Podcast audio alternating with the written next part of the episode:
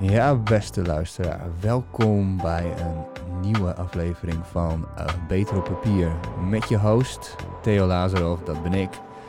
En uh, de huishoudelijke mededelingen zijn is dat wij elke dinsdag in je oor lopen te tetteren vanuit elke streaming service die je kan bedenken. Namelijk Podbean, Spotify, iTunes, geef 5 sterren. En uh, Soundcloud, YouTube, you name it, we stream it. Um, deze aflevering heb ik een uh, toffe gast. Uh, helemaal uit Leeuwarden.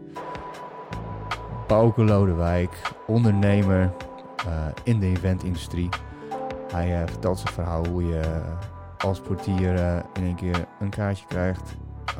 als je aan de deur in Shanghai staat. En dan voor je het weet de World Expo in Shanghai uh, in Korea en in Milaan uh, aan het organiseren bent. En vanuit daaruit uh, vuistregels voor ondernemerschap, voor hoe je um, je focus kunt houden, je doelen kunt stellen.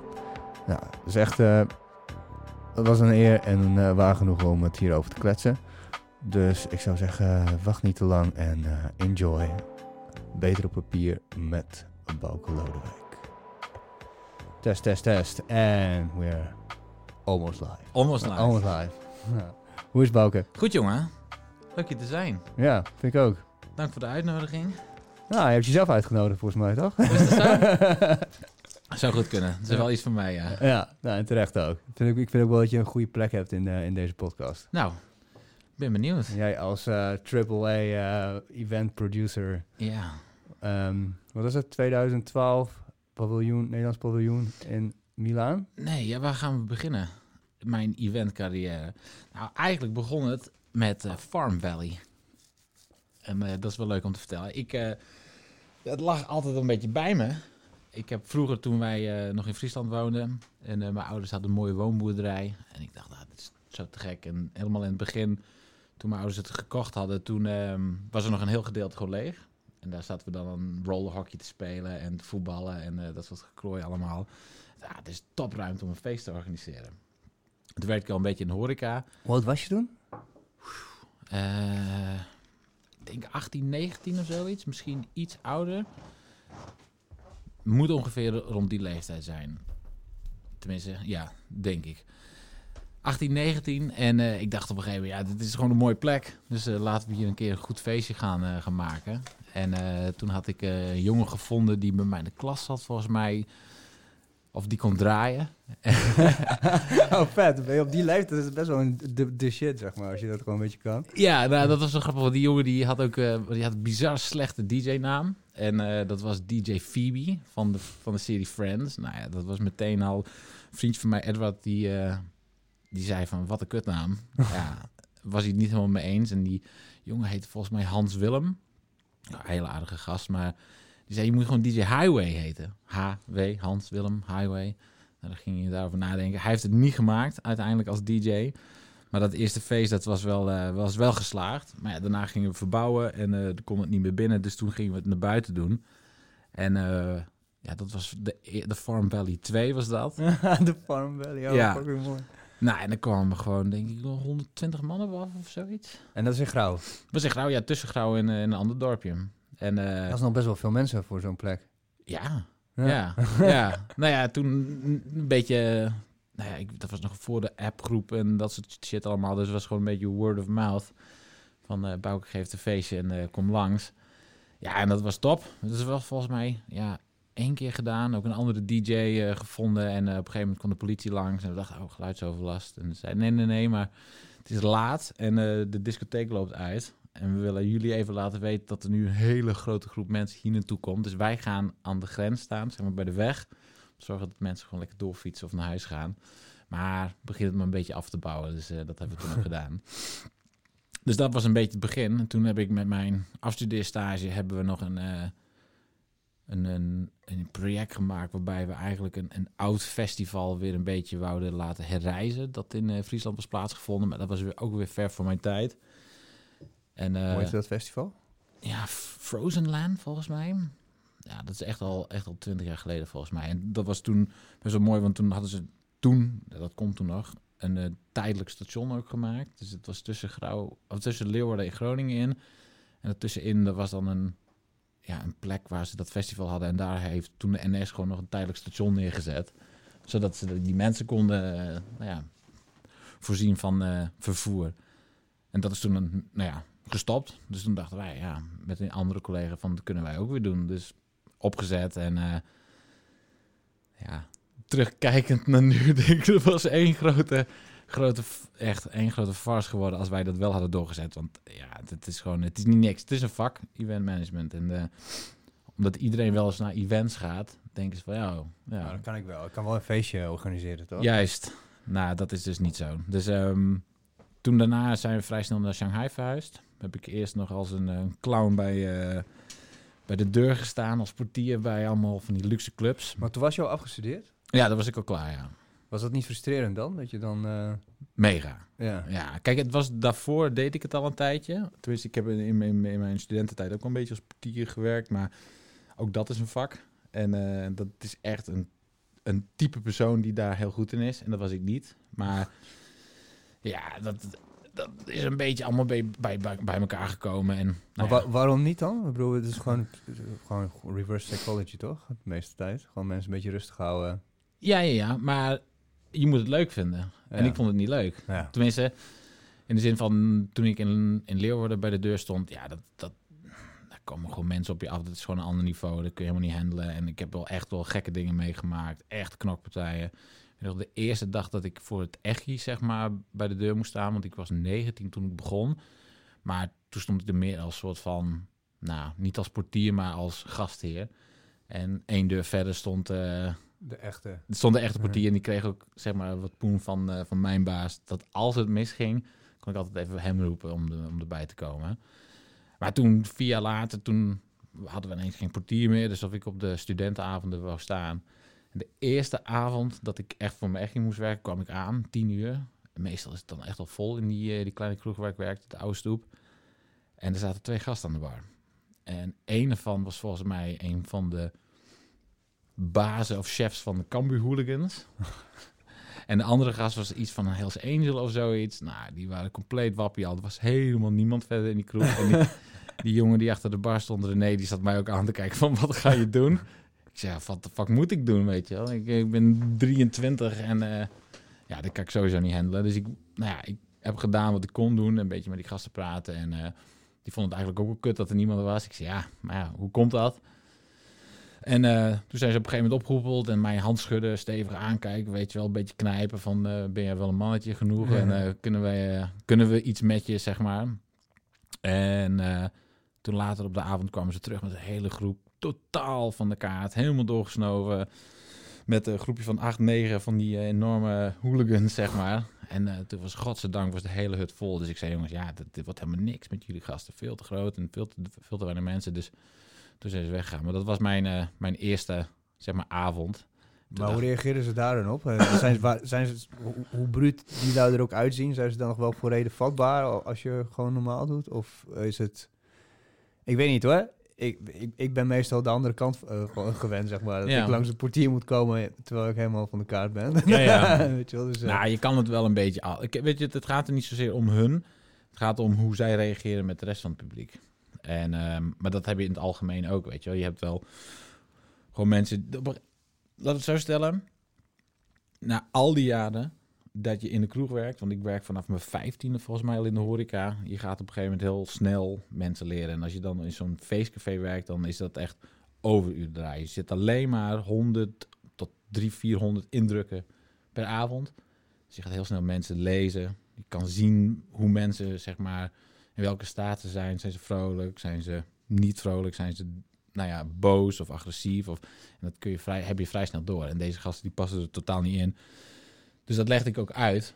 Maar wel, je moet ze dan wel een beetje op een andere plek zetten. Als je. En er was er toen ook een andere jongen die werkte toen af en toe ook als portier. En die deed dat totaal niet goed. Dus die ging meteen zich zo opstellen. Dat ga je niet winnen. Sowieso niet tegen negen man. Weet je wel. Dus je moet je een beetje een weg vinden om. Uh, nou ja.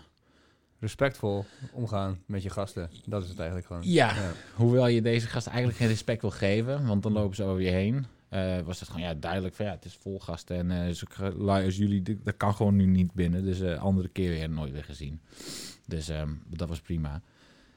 Maar dat was wel een mooie eye-opener ook destijds. Toen was ik ook zeer ge, nou ja, gefascineerd. Ik, ja, dat is gewoon een fascinatie over een beetje de misdaad. Want daar kom je dan wel een beetje mee, mee in aanraking, weet je wel. Van, dat je aan, aan collega-portiers destijds vraagt van wie is dat en wat voor gasten zijn dat. En daar moet je voor oppassen. En die, uh, die loopt een beetje in het grijs gebied. En die heeft met één voetje in het zwarte gebied en één voetje in het witte gebied. Dus niet zoveel meer doen. Maar mijn baas die zei gewoon: Dit zijn professionals. Die gasten. Niet, niet, niet meteen die, die negen gasten waar ik het net over heb, maar mm. gewoon in het algemeen.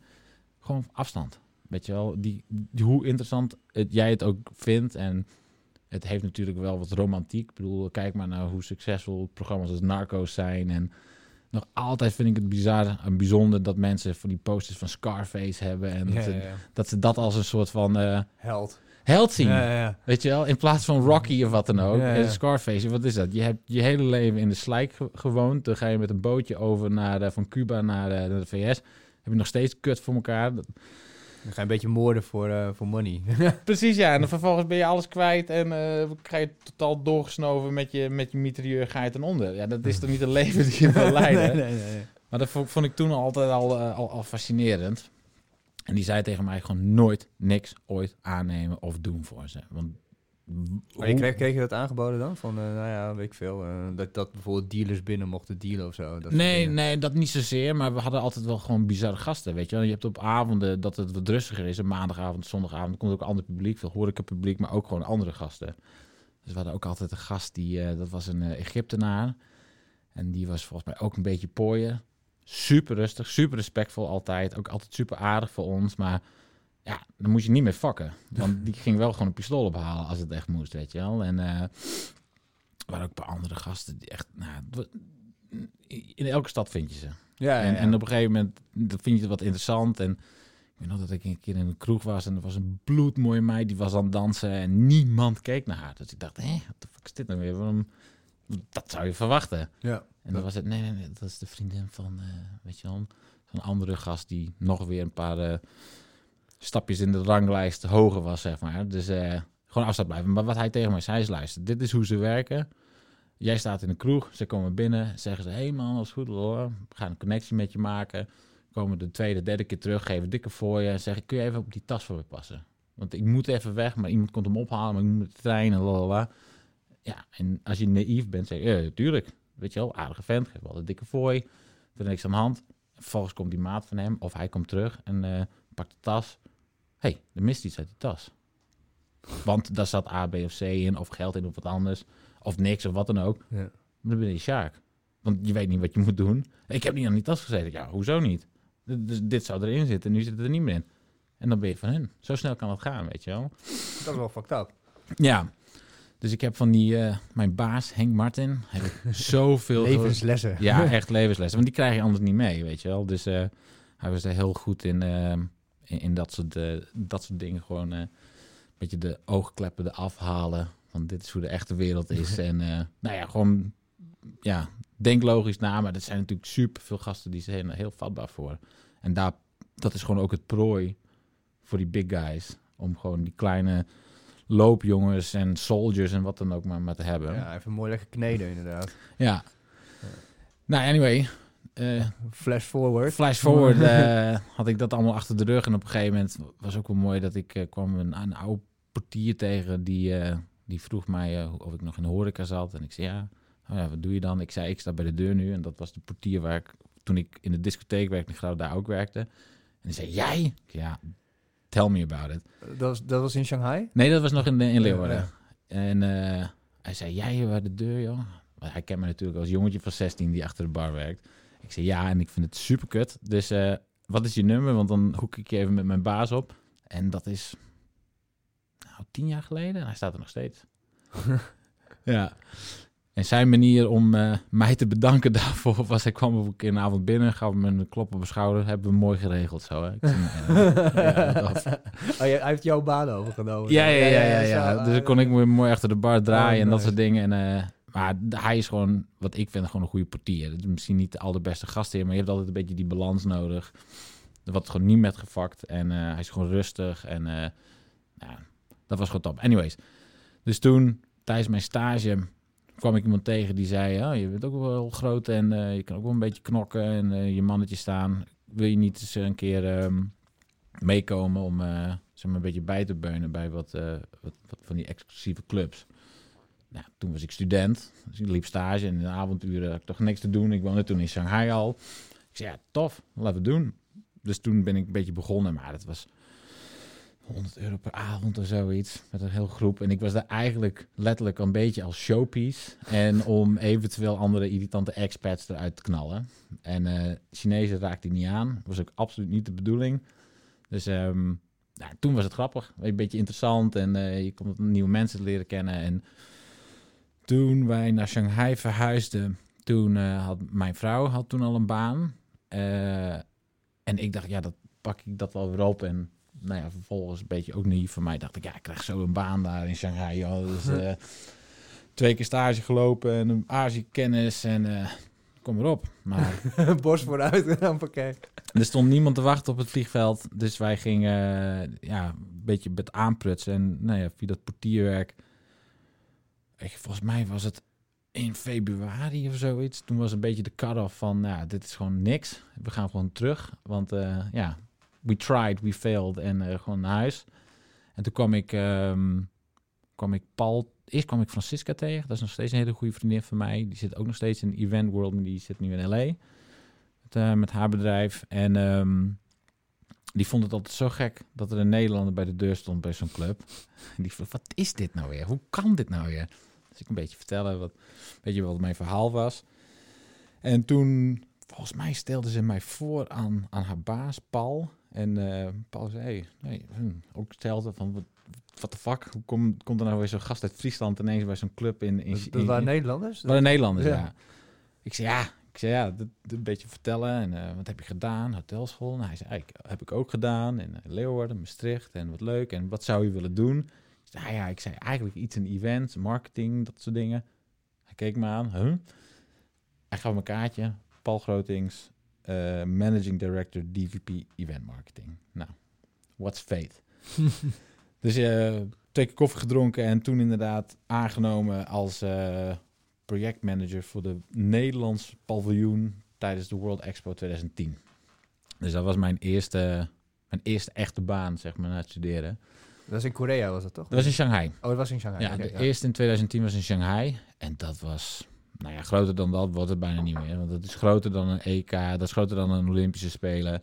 Huge. Ik kan me daar helemaal niks bij voorstellen. Wat, uh, wat, wat is het? Maar de, de expo, wat, wat, wat, houdt het precies in? De World Expo, dat is eigenlijk... Um, ja, ik moet het niet afzeiken, want het is wel echt leuk. Maar het is eigenlijk van oudsher is het gewoon de World Fair. En er zijn een aantal mooie voorbeelden van uh, Crystal Palace. Dat is eigenlijk volgens mij waar de eerste World Fair ooit plaatsgehouden heeft in, uh, in Londen.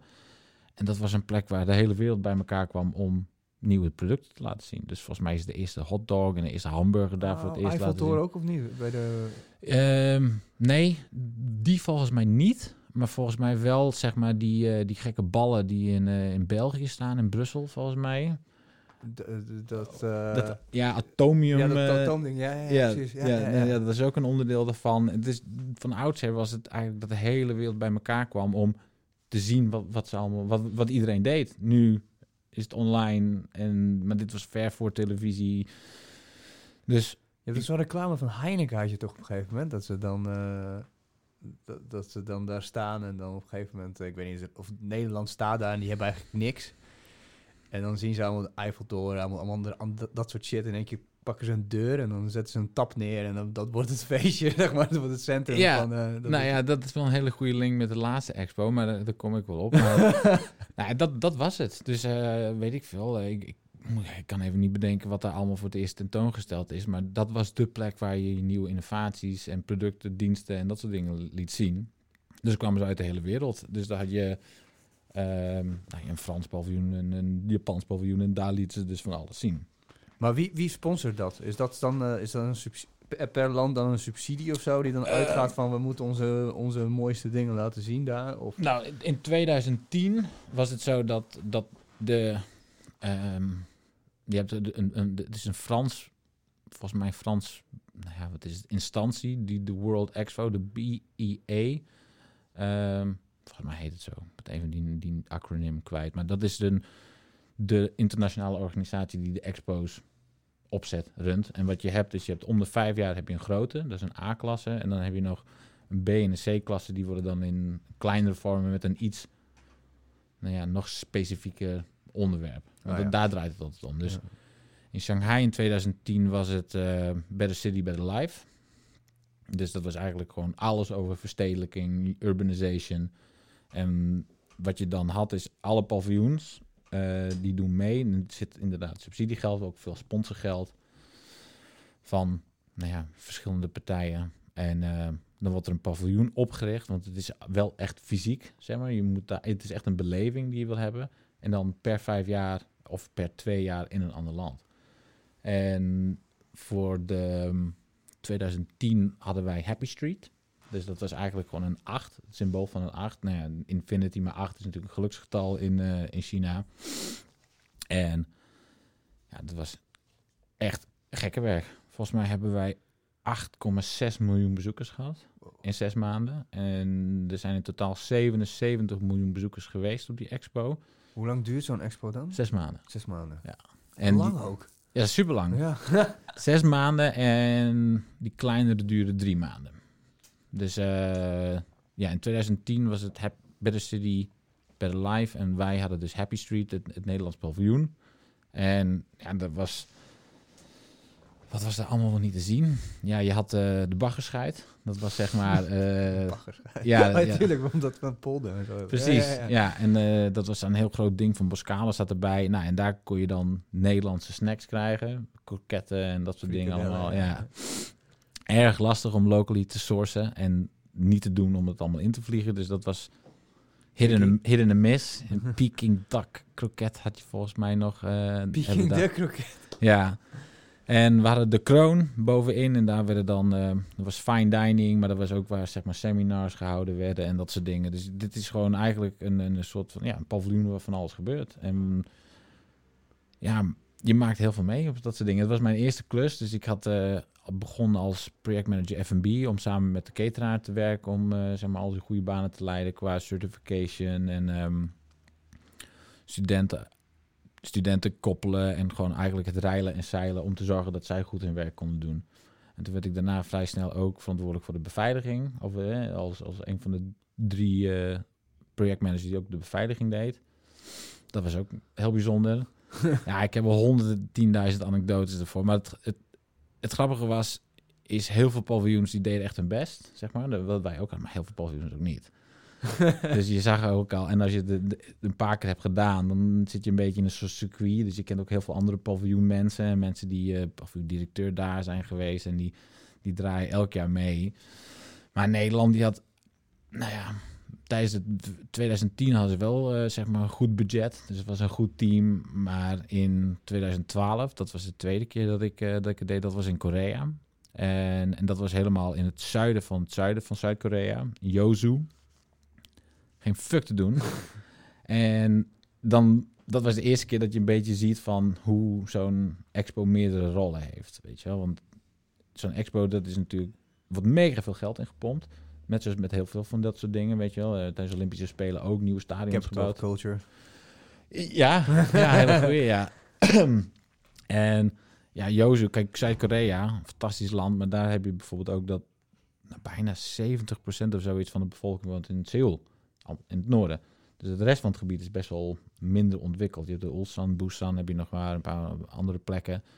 Maar eigenlijk is, nou ja, volgens mij van de 54, of 44 miljoen, 45 miljoen inwoners van Zuid-Korea wonen er bijna 30 in het gebied van Seoul. En de rest van het land niet. Dus ze dachten, ja, laat het mooi in het zuiden van het zuiden doen. Het probleem is alleen, er kwam niemand. Er was een hele grote een treinverbinding en nou, het was wel een luchthaven, maar er kwam helemaal niemand. Dus dat was, uh, in dat opzicht hadden we in Shanghai enorm veel problemen met de idiote hoeveelheid mensen die er kwamen. En uh, alles wat daarbij komt, dat je voorbereidt op dat iedereen normaal doet. Maar ja, dat is met zulke aantallen en met een enorm andere cultuur. En helemaal in China was het zo dat, dat ze moesten het, het record van Japan verbreken. Dat, dat is een beetje de competitief. Comp, uh, ja, ja, precies. Nou ja, gewoon sowieso natuurlijk de relatie Japan-China. Dat is een beetje nog erger dan wij met Duitsland hebben om, in dat opzicht. Dus ze moesten dat dus op een gegeven moment, er werden bussen mensen gewoon er naartoe gereden om die aantallen maar te halen. en dat waren mensen die hadden bijvoorbeeld nog nooit in een bus gezeten. Laat staan naar zo'n oh, World Expo gaan. Dus er waren heel veel mensen. En ja, ik hou van de Chinezen. Dus, uh, maar ja, dat zijn mensen die gaan dan even over je arm aaien. Want ja, die hadden nog nooit mannen met, haar, eh, met, met harige, harige armen gezien. En pas en te onpas met allemaal alle blonde zeg maar, studenten die we daar hadden. Want we hadden ehm, volgens mij bijna 500 studenten daar werken in twee groepen van, van, van drie maand. Uh, en dat was altijd een combi tussen een Nederlandse student en uh, dus Nederlandse studenten en um, Chinese studenten, MBO en um, ja en dan vaak WO. Dus dat was best wel, best wel mooi om dat altijd te zien, weet je wel. Het is helemaal praktisch ingestelde Nederlanders met studenten die civil engineering, viool, uh, architecture, uh, biochemistry studeren. ja, dat, dat is natuurlijk een, een, hele strenge selectie geweest. Maar die combi was altijd wel mooi om te zien. Hoe, hoe ze elkaar ook versterkten. Mijn collega kwam er niemand. Dus uh, heb je ineens een hele andere uitdaging. En um, ja, ja, het is gewoon... Je, Wat doe je dan? Je verveelt je toch helemaal dood daar dan? Feestjes geven. Op kosten van de zaak. Nou, dat niet. Het moest wel, uh, het moest wel zeg maar, gewoon uh, zelfvervulling zijn. Maar ja, in Joze ook, er was één kroeg. En uh, ik dacht toen ook van, we moeten gewoon paviljoenfeest gaan geven hier. Dus dat, daar zijn wij mee begonnen. En toen was het Hek van de Dam. En toen was er eigenlijk bijna elke avond wel weer een feest. Zo'n zo expo of bij een ander paviljoen. Maar je ziet daar gewoon ehm, ja, wat moet ik ervan van zeggen? Het, is heel bijzonder. Het is enorm groot. Helemaal die, die expo in Shanghai, ja, dat, dat kun je, dat is gewoon, er wordt een, een, een stad opgericht met infrastructuur van metrolijnen tot megastadions, tot honderden paviljoens. Sommige die staan er nog, heel veel die, die zijn al lang weggehaald. En dat, dat was dan een urban planning die daar komt. Maar zoals ook nou ja, bijvoorbeeld de WK in Brazilië, dat, daar is ook verval. En in Korea hadden ze een heel ding gebouwd. Ik weet begon niet wat daar nu mee gebeurt, maar het is uh, drie maanden is het vol gas geven en echt de hele wereld die vliegt daar naartoe. Dus ja, ik heb Arnold gezien in. Uh, ja. ja. ja, en um, ja, de, Liv Tyler heb ik ontmoet daar en uh, Kevin Durant. En er kwamen heel veel mensen die kwamen dan gewoon even buurten, weet je wel, omdat ze daar waren. Dus uh, helemaal politici en Balkenende en Abu ja, het hoort, het hoort natuurlijk bij de, hoe heet het, uh, niet campagne, maar ook gewoon visibility. En alles. Zeker. Ja, dus er werden ook zaken, uh, handelsreizen op, op dat soort momenten daar naartoe gegaan. Dus de hele international community, die gaat erheen. Alle buitenlandse zakenmensen. En het is gewoon een beetje een soort hub om, om bij elkaar te komen en te laten zien wat je hebt om de lokale bevolking daar Alleen het is een beetje niet meer helemaal van deze tijd natuurlijk, omdat je alles wel kan zien. Als er een nieuwe innovatie is, Tesla komt met een nieuw uh, product uit, ja, dan weet de dag daarna weet iedereen het. Ja, dan wordt getweet en klaar. Ja. Precies. Dus um, ja, het is alleen, um, het heeft ook wel weer wat, want je, natuurlijk niet iedereen in China kan naar Maleisië of naar Duitsland of naar Zwitserland. En op die manier kan je in een hele korte periode, zeg maar tijdens één bezoek als het niet te druk is, kan je vier, vijf paviljoens bekijken. En dan kun je echt meemaken hoe het daar is, in zekere zin. Wat, wat, is het vaagste wat je gezien hebt daar? Nou, het vaagste, niet zozeer het vaagste, maar ik, een paar mooie anekdotes die ik nog weet, is uh, dat, dat, je hebt daar natuurlijk allemaal soort protocols. Dus je hebt uh, um, de, de opperbaas van het paviljoen, dat is de Commissioner General, zo heet hij. En dat is vrij, bijna altijd een diplomaat. Eh, die zeg maar, nou ja, of wordt aangenomen al jaren van tevoren om zeg maar dit project te begeleiden. Dat is gewoon eigenlijk een, een, ja, een, een ambtenaar of uh, Walter, die, Walter van Wilde, dat was een paviljoen of de Commissioner General in Shanghai. Super aardige vent, heel grote vent, toffe vent. Ik kon heel goed mee samenwerken. En um, die is zeg maar de, de, de baas. En daaronder heb je directeuren en dan heb je projectmanagers en dan ja, de rest. tegenover ons, en dan moet ik me niet vergissen, was volgens mij het Hongaarse paviljoen. En die hadden volgens mij niet helemaal begrepen wat de term Commissioner General inhield. Dus die hadden echt een legergeneraal daar neergezet. maar die gasten weten natuurlijk helemaal niks van events. Van events of van, uh, van, van een, een, paviljoen neerzetten. Want dat was zo grappig dat ik dat hoorde, dat dat gewoon een echte generaal was. In plaats van een, een diplomaat of uh, een, een ambtenaar die iets met... Uh, Get your ass precies, die, die wat organisatorisch voor, voor elkaar kon krijgen op, op zo'n expo. Maar ja, veranderende regelgeving, dagelijks. Weet je, de ene keer moest je je laptop eruit halen en aandoen. Dan mocht er weer geen, geen voedsel mee. Uh, ik, ik, weet nog wel dat er een meid mee was. Uh, Suus heette die. En die had het zo gehad met die beveiliging. Want het was elke keer weer anders. En iedereen werd er helemaal mental van. Want op een gegeven moment, als je elke dag bijna een jaar lang door zo'n security poort moet, dan word je helemaal simpel van. Ja, ja, ja. En uh, die had op een dag had die dus ik weet niet wat ze allemaal mee had. Oh ja, tampons. Die had die man nog nooit gezien. Wat is dit? Hij zei, wil niet dat ik het voordoe. uh, en toen kwam er de vrouw bij. Nee, nee, nee, nee, nee, nee, nee, continue, continue. En ja, dan gaan mensen ouwe hoeren. Dus diezelfde Suus, die had volgens mij toen een keer een tas met 500 tampons of zoiets neergezet. Want die moest, dat, moest dan weer ook eruit. Dus dat is helemaal geleegd. Ja, dat soort shit maak je dan allemaal wel mee. En ik weet nog dat um, een hele grote hoge pief van de, van de de Politburo, dus zeg maar, dat is het hoogste orgaan van de Chinese overheid, de nummer drie, die kwam langs. Dat, daar gaat de hele stad bijna op slot.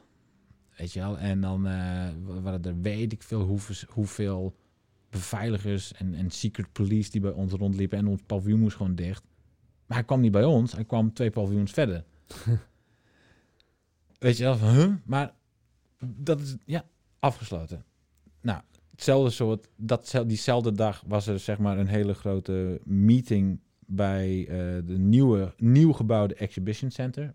Miljoenen project om die Exhibition Center te maken. Fantastisch mooi. State-of-the-art sound, state-of-the-art seating, alles. Hebben ze de eerste twee rijden helemaal uitgerukt. Helemaal.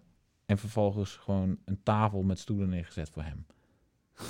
Don't ask me why, omdat misschien de, een bom onder zat. Maar ik denk, daar kun je voor checken. Maar dit soort gasten, die hebben dan ook gewoon tasters, hè? Net zoals de koning van vroeger. Zo, die, hebben wat? Tasters. Oh, tasters. Oh, ja, ja, ja, tasters. Oh my dus, god. dus dat soort dingen, ja, dat maak je anders nooit mee, weet je wel. Dat, ja, zie je van, oké, dit, is de real shit. ja, dit is de real shit. En je maakt heel, in het, het is eigenlijk, alles is in een soort snelkoker en onder een uh, magnifying glass hoe hoe, hoe de Chinese cultuur ook in elkaar zit, weet je wel. Dat is, um, ik vond het echt wel heel mooi om te zien. Ja, mooi en soms ontroerend, maar het was ook gewoon, nee, leuke verhalen zijn ook bijvoorbeeld dat, uh, dat tijdens een vergadering um, over de, de veiligheid, dat een uh, de Zwitserse Commissioner General zei van, ja, ik heb nog een punt van orde, een punt van aandacht. Ik wil het even hebben over de miraculous recoveries die, uh, die uh, plaatsvinden op, uh, op de expo. Hm, hm, zo'n iemand die van de expo zegt van wat bedoel je? Nou, zonder veel te veel over de Chinese cultuur te vertellen. wij vinden voordringen super brutaal. Maar in China is het een beetje van ja, als jij niet oplet, dan ga ik voor. En dat komt natuurlijk uit een periode van weet ik voor hoeveel jaar dat er niks te vreten was. Nou, dus als ik in de rij sta om brood te halen voor mijn familie. Maar het brood is bijna altijd op aan het eind van de dag. Niet zoals we het hier hebben. En jij let niet op. En ik heb wel brood voor mijn gezin. En jij niet. Ja, dikke pech. en dat verandert nu natuurlijk wel. Maar wat ik al vertelde, dat ze gewoon bussenladingen uit het platteland halen. Die mensen die hebben nog een hele ander idee. Dus voordringen is voor hen niet iets brutaals. is gewoon een kans pakken. En wat je op een gegeven moment had, is je had uh, gewoon een rij waar mensen gewoon in moesten staan om te wachten. Maar je had ook fast track. Uh, dus net zoals bij Disneyland. Alleen met de fast track, als je zwanger was, mocht je dus in de fast track. En als je in een rolstoel zat of uh, disabled was, dan mocht je ook in de fast track. Wat gebeurde er? Ja, zo'n fucking wheelchair huren en dan gingen ze rijden. En op het moment dat ze de hoek om waren, stonden ze weer op en gingen ze weer verder. Of, de, of weet je wel, dan kon je op camerabeelden ook zien dat een, een, dame in de rolstoel zat toen ze het paviljoen binnenkwamen en op de terugweg zat er een gast in.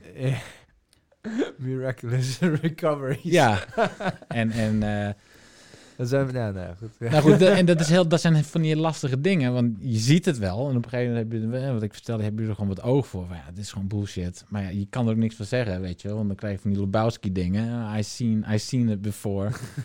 ja, en dat kan gewoon niet. En hetzelfde is met zwangere vrouwen, dat kan ook gewoon niet. Ja, van, je shirt is omhoog. Ik ben benieuwd. Er zit volgens mij gewoon een kussen in. En soms zag je het ook gewoon. Maar ja, dan is het natuurlijk de bluff om het te doen. Ja, dat is... Uh, nou ja, je krijgt gewoon de lokale cultuur krijg je echt gewoon in, in de snelkoken krijg je gewoon mee. Behalve in Korea, want er kwam niemand. ja, nou ja, in Korea was het inderdaad, in het begin kwam er helemaal niemand. En op een gegeven moment was het steeds drukker, maar niemand kwam naar de paviljoens. En uh, dat was ook gewoon omdat ze aantallen wouden maken. Maar toen hadden ze een heel groot soort centrum, een beetje een soort plaza. En daar hadden ze dan alleen maar K-pop concerten. Dus er kwamen wel hordes mensen naartoe, maar niemand om uh, naar ons te kijken. Alleen maar om naar die K-pop concerten te gaan. Maar ja, op zich, Korea, prachtig land. Dus uh, vergeleken met, het is heel anders. Ja, het is net als, nou ja, je kan het niet, eigenlijk niet vergelijken met China. Behalve dat ze ook ooit van, van de Haan, zeg maar, van, vandaan komen. Maar, maar zat je toen daar ook een half jaar in, eh, in Korea? Ja, maar in totaal een half jaar. Dus het was drie maanden, eh, zeg maar, expo, omdat het een kleine versie was. En dit ging volgens mij over The Living Ocean and Coast. Nou ja, daar hebben we natuurlijk ook wel een hoop over te vertellen. En, uh, maar het was niet self-built pavilions. Dat waren allemaal paviljoens die binnen een soort van uh, gebouw al gemaakt werden. Ah, ja. ja, het, is, het is heel raar. Hè? Als je, iedere keer als je pavilion zegt, dan denk ik aan een tent. Zeg maar, een paviljoen. Ja, nee, ja, het is, uh, je kan het beter zien als, um, wat is een goed voorbeeld? Nou ja, uh, weet ik veel, de, de, die de armadillo op Lowlands. Oh ja. Oh ja. Zoiets, maar dan gebouwd in een bepaalde stijl, waarbij je allemaal verschillende dingen hebt. Dus als ik het moet omschrijven, wat, wat bijvoorbeeld Happy Street was, dat was het, zeg maar, het grote paviljoen, Nederlands paviljoen in, uh, in Shanghai. Daar had je dus, daar begon je en dan liep je een hele route langs allemaal Amsterdamse grachtenpanden. En in elk grachtenpand had je een exhibition. Een, een, een eerste soort AI-achtig ding en een, een kunst. Um, kunsttentoonstelling van een andere een, een kunstenaar. En je had uh, een Philips paviljoen met een beer die had ogen die je volgde. En zo had je allemaal exhibitions, het hele zeg maar het rondje. En dan kwam je boven, en zo je panorama view. En dan had je de kroon, wat fine dining was. En dan liep je er helemaal naar beneden.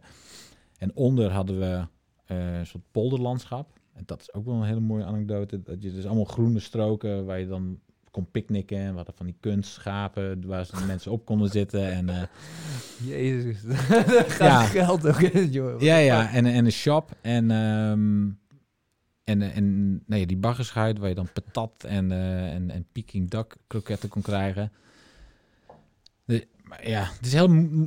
Dus zo zag het eruit. Het is gewoon als een, een acht, maar dan een soort van route die de lucht inging met in die acht, zeg maar, allemaal verschillende huizen waar verschillende exhibitions maar huizen dan ook net, net, toch, net zo groot als echte huizen? Of ja, slagkleine. slagkleine. Ja, okay. dat is echt 40% van zo'n echt huis. Oh ja. ja. Nou, dan heb ik wel een beeld. Ja. Dat is ja. bijna een soort van pretparkachtig idee. Ja, precies. Ja, ja, en die in Seoul, dat was, uh, of in uh, in Korea, dat was gewoon eigenlijk, nou ja, dat zag er aan de voorkant, zag het, dat was gewoon, nou ja, bijna een soort warehouse, maar er stond op een Nederlands paviljoen en dan ging de deur in en daar hadden we en eerst een soort scheepvaartsmuseumachtig iets. En daarna ging je een 3D-projection over wat Nederland met water deed. En daarna had je een soort sponsorachtig gedeelte. En daarna had je een shop. Dat was heel klein. Niet te vergelijken eigenlijk met, uh, met, met Shanghai.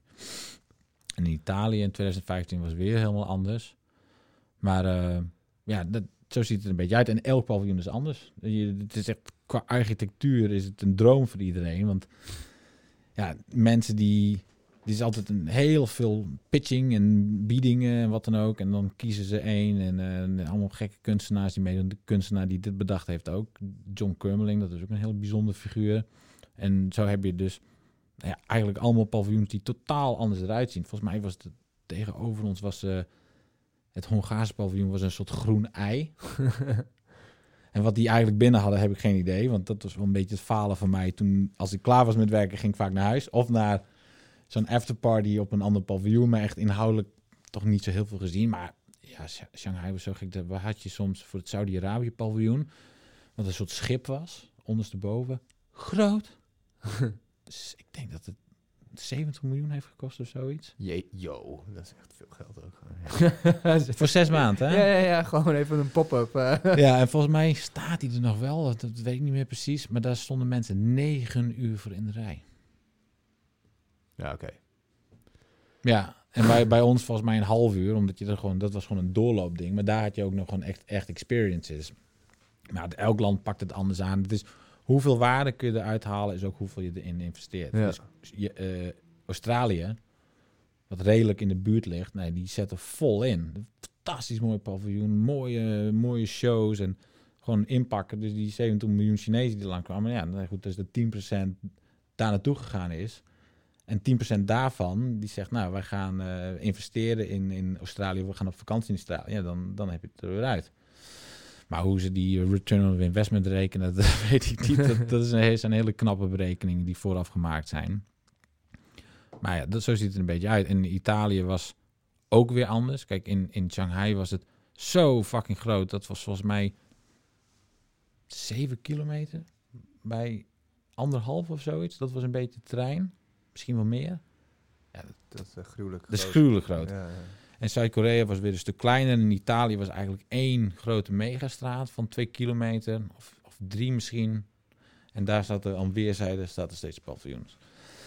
Ja, het is, het is heel moeilijk om uit te leggen. Wat, want je hebt er gewoon je hebt een hele interne community. En eh, in Korea woonden we ook on campus, zeg maar. In een soort van, ehm, nou hoe noem je dat? eh, eh, Expo Town. Want er is niks anders te doen. Dus dan zit je met, f- nou... Alleen som- maar die mensen die daar werken, zeg maar. ja, zit je met, met honderd andere... Maar dat is natuurlijk wel bijzonder. Dus met honderd andere nationaliteiten zit je dan in, eh, in zo'n woningcomplex. En ja, en iedereen zit buiten bier te drinken. Dus het is wel, eh, ja, het is wel heel bijzonder.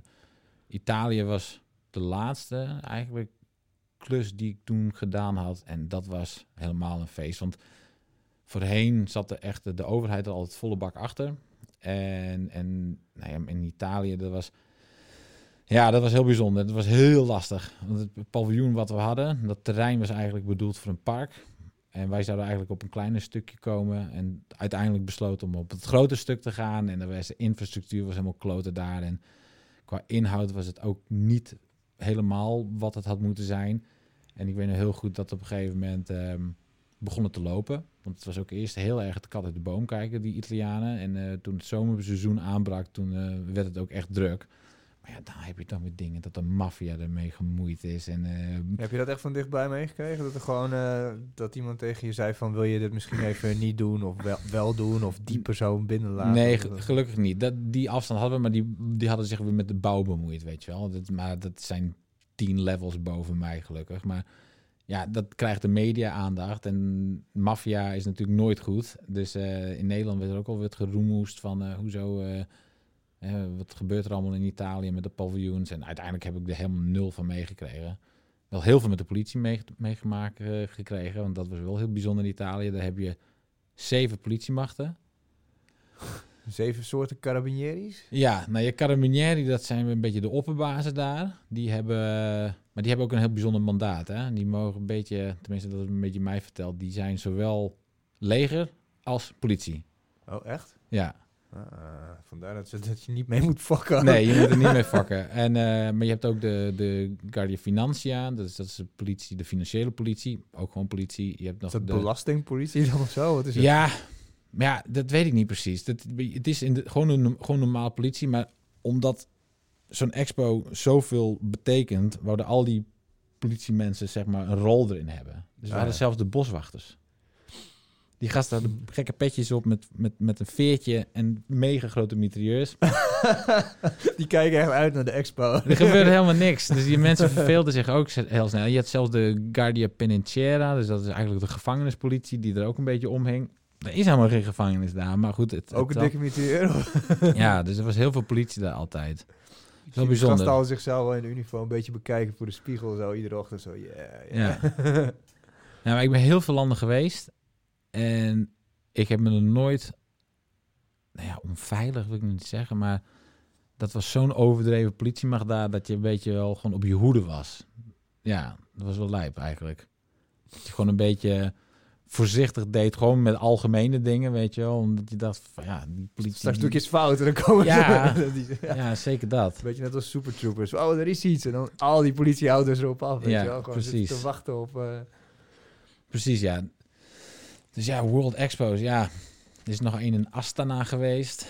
Dan denk je van, wat de fuck moet het nou in Kazachstan, zo'n World Expo, weet je. Maar ja, die gaat, je kan het allemaal een beetje ontleden waar het geld vandaan komt. En dit jaar is hij in Dubai. Nou ja, dat is logisch. Mega natuurlijk weer. Ja. Echt eh, super groot. Er zijn ook wel weer wat bekende mensen die daar, eh, daar naartoe gaan. Ja, het is, het is wel een beetje, inderdaad, als het in je land is, dan, heb je, dan ga je erheen. Of eh, dan, dan heb je door dat het gebeurt omdat zo groot is. Maar Is het wel eens in Nederland geweest? weet ik niet. Misschien heel lang geleden. We, het, het, er was nog sprake dat ze zouden. Dat Rotterdam zou pitchen om de, de expo in 2024 te gaan, eh, te gaan houden. Maar daar zijn er uiteindelijk van afgestapt. Ook omdat het in Italië toch allemaal een beetje, beetje gek gelopen was. Maar het lachen van Italië was, om even helemaal terug bij jouw verhaal over Heineken te komen. Inhoudelijk was dat paviljoen gewoon niet perfect. Eh, gewoon, iedereen die dit hoort, die kan het niet, niet met me eens zijn daarover. Dus op een gegeven moment gingen we kijken van, nou, er, was ook wat budgetproblemen. Dus eh, wat, wat kan er af? En er was een, een, een bedrijf die eigenlijk de inhoudelijke programma's qua muziek deed. Dus we zouden, Blauwtsoen is geweest. Volgens mij zou Kensington ook komen. Maar ja, dat was op een gegeven moment allemaal veel te duur. Dus eh, er kwam een nieuwe directeur die zei van, mooi, snijden. En eh, wat kan er allemaal uit? Maar er moet wel entertainment komen. Wat kun jij doen? Dus toen gingen wij al een beetje draaien daar. Want ik, heb, ik kan ook wel een beetje draaien. Er waren een paar andere studenten die dat ook gingen doen. Ja, dat kunnen wij doen. Dus wat deden we? We gingen gewoon Nederlandse feesten geven. en dat ging helemaal los. Wij hebben op een gegeven moment in de krant gestaan. Zonder inhoud eigenlijk in het paviljoen. Restaurant, een dakterras en zeven food trucks waar je dan Nederlands cuisine kon proeven. Van worstenbroodjes tot poffertjes tot eh, kaasplankjes en eh, weet ik veel wat ze allemaal nog meer hadden daar. En ehm, nou, dat is op zich een super tof concept, maar er moeten wel mensen komen. En op een gegeven moment gingen we die feesten maken. Er stonden 3.000, 4.000 man. Elke dag van de week. Maar wat, wat, wat maakt het zo uniek dan? Het was dan niet op de expo. Dus wat er in die krant ook schreef is... Oké, ga je naar de expo? Dit zijn onze tips.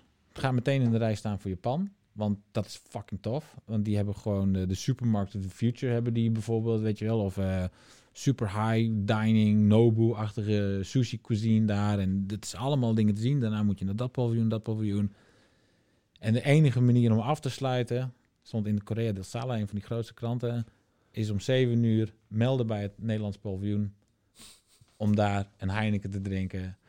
poffertjes te, te vreten en eh, gewoon helemaal los te gaan op, op de muziek. En dat was gewoon dikke, dat was gewoon echt standaard prik voor heel veel mensen. En ook op een gegeven moment van andere mensen die bij andere paviljoens werkten. Maar ik was daar zeg maar een soort van operationeel directeur. En op een gegeven moment, op bepaalde dagen, bestond mijn dag uit vier uur aanwezig voor de evening shift. Dan had ik eerst zeg maar een paar meetings, finance meeting, HR meeting, F&B meeting en een paar andere dingen. Liep dat, nou dan ging ik om acht uur ging ik naar de draaitafels. Samen met eh, vaak twee anderen of soms alleen. USB erin. en go. en dat is heel gek, maar op dat moment, zeg maar, om maximaal revenue, maximaal overzicht, eh, al die, die, die, zeg maar, de independent contractors die die food trucks hadden, om die allemaal tevreden te houden, moest er muziek komen. En er was gewoon geen budget om steeds met DJ's in te vliegen, dus dan doe je het zelf. Maar het was perfect, want ik stond helemaal boven, dus ik kon heel duidelijk Ja, zeggen. was gewoon de Armin van Buren. daar, Dikke lezers op die lijn. Ja, dat, dat viel me mee, want hebben we echt, eigenlijk hadden we niet zoveel show. Maar het was gewoon, eh, het was echt super low-hanging fruit. Want er was voor de rest geen fuck te doen daar, weet je wel. Er waren wel shows, maar dat was zeg maar super highbrow, eh, ballet en eh waterperformances en wat dan ook. Maar gewoon echt feesten. Ja. En die Italianen, die kunnen wel heel goed feesten. Dus ehm, ja, dat was super tof. Dat was echt leuk om te doen. Ik heb ook nog, in, in Korea heb ik nog... Maar wat draai je dan? Wat voor, wat voor hitjes draai je? Gewoon Nederlandse eh, klappers? Of eh, Eh, staat een paard in de gang? Nee. Dat niet echt, maar gewoon alleen maar, ja, bijna skihut. Maar dan zonder het Nederlands. Dus echt Bon Jovi, Avicii, weet je wel. Af en toe Guns N' Roses. De Italianen zingen alles mee, dat is fantastisch. En ja, er zijn een paar van die nummers die wij altijd draaiden. Dat was uh, L'amour toujours van Gigi Agostino. Ja, is... Toen ontplofte de tent. de eerste keer dat ik dat draaide, jongen, dat ging helemaal nergens over. Dus ja, dat, ja, eigenlijk het is heel gek om te vertellen, maar dat was het beste wat ik zeg maar kon doen op dat soort dagen. En dan hadden we ook een paar andere DJ's die deden dat ook. En toen ineens, toen ontplofte de boel. Dus de eerste twee maanden van de operatie heel veel stress, fucking uh, stroomuitval en uh, alleen maar gedoe. En toen op een gegeven moment toen liep het, ja, toen moesten de pallets Heineken aangesleept worden. Good for business. Ja, good for business, ja. Dus dat, was eigenlijk, dat zijn de, een beetje in een nutshell de expos. En tussendoor um, we helemaal bij het begin te beginnen qua events. Daar na de, de expo. Was je er gewoon klaar mee op een gegeven moment? Wat, wat, wat was het? Was je na je tijd dat, dat, dat je zoiets had van... oké, ik heb het nu wel gezien of zo? Of, uh... Nee, nee, maar goed, die, die expos, dat was gewoon een beetje mijn ding. En uh, dat, dat paste gewoon een beetje goed bij me. En ik, ik, dat, tussendoor hebben we natuurlijk... dat is niet het enige wat ik gedaan heb. Ik weet nog dat ik na de de eerste expo in Shanghai hebben we de eerste mediamarkt geopend in, uh, in Shanghai. Dat was ook gekke huis, jongen. Dat eerste was... mediamarkt? Is dat... Ja. ja. Wat is dat? Is dat een Duits bedrijf? Mediamarkt? Ja, ja van Saturn. Ja. Bestaan al niet meer in, uh, in, in, in China. Maar dat, dat, ja, dat was heel... Dat, die ging open. En dat is wel echt een bijzonder verhaal. Dus Mediamarkt ging open. Uh, een aandeelhouder van Mediamarkt was Foxconn. En dat zijn natuurlijk de, de makers van alle iPhones en uh, dat soort dingen. Dat is het Taiwanese bedrijf die ook wel een beetje vaak negatief in het nieuws gekomen is. En de mediamarkt die zou opengaan tegelijkertijd met de lancering van de iPhone 4. Big happening. Ja. 2010, november. En nou goed, weer, je moet het, ik ga het heel goed proberen rustig uit te leggen, maar wat je in, in China hebt, is het is zo groot. En je hebt een aantal hele grote steden. Guangzhou, Shenzhen, Beijing, Chongqing, Shanghai en nog een paar andere. Maar eigenlijk Beijing en Shanghai en Guangzhou, dat zijn de drie grootste steden. En eigenlijk worden dat bijna als supersteden duurt niet heel lang meer voordat de regio Beijing gewoon een stad van 100 miljoen is. En in het zuiden een stad van 60 miljoen is. Want dat groeit allemaal een beetje naast elkaar. Een beetje zoals Den Haag, Rotterdam. Ja. En um, omdat het zo groot is, betekent het dat als bijvoorbeeld hier de iPhone uitkomt, dan is het gewoon overal. De iPhone die komt uit. Misschien zouden ze het één dag in de Apple Store hebben. En daarna kun je hem overal krijgen. Ja. Als je überhaupt nog naar de winkel zou gaan. Want meestal is het gewoon online bestellen. En de volgende week ligt die op je deurmat. Op je deurmat. Maar niet in China. Dus ik heb het nog meegemaakt. Ik weet niet of er wel mensen waren die het wel door hadden, maar dat bleek achteraf wel.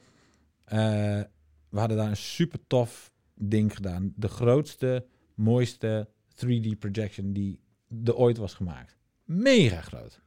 Dat had het bedrijf waar ik voor werkte gemaakt. Op de dag dat we open zouden, uh, stonden er niet 3000 man, maar bijna 30.000 man in de rij om die winkel in te gaan. Om met de mediamarkt. De mediamarkt. om zo'n iPhone te kopen. Alleen, het waren niet normale mensen, eh, normale mensen. Het was weer een hele grote groep georganiseerde mensen. En die mensen noem je Guangyo. En dat is uh, Yellowfins. En wat die mensen doen is, omdat, ik, omdat China zo groot is, betekent het dat als jij in een dorp woont, ergens, ja, dan moet je maand, twee maand, drie, vier maanden wachten voor de iPhone 4. Dat willen niet. Dus ik geef jou cash en jij gaat voor mij in de rij staan. Ah ja. Alleen dat is super inefficiënt. Dus ik heb een winkel. Ik gooi wederom een bus vol met wat dat betreft arme nou ja, boeren Chinezen. Die krijgen allemaal een stapel cash van mij. En die moeten allemaal twee iPhones mee terugnemen. Ik gooi er een dikke markup overheen en ik verkoop ze in mijn regio. Op een gegeven moment moest het hek open. Maar dat, kon natuurlijk niet. Want er was veel te veel mensen. De politie die had het niet in de macht. Ik heb betonstof in de lucht gezien. Dat hek is uiteindelijk opengebroken. Die mensen zijn binnengerold. Ik heb dranghekken zo gezien. Ik, ik heb schoenen zien liggen. Het was een meisje die erbij stond. Die stond tegen de muur aan. Die was helemaal in tranen.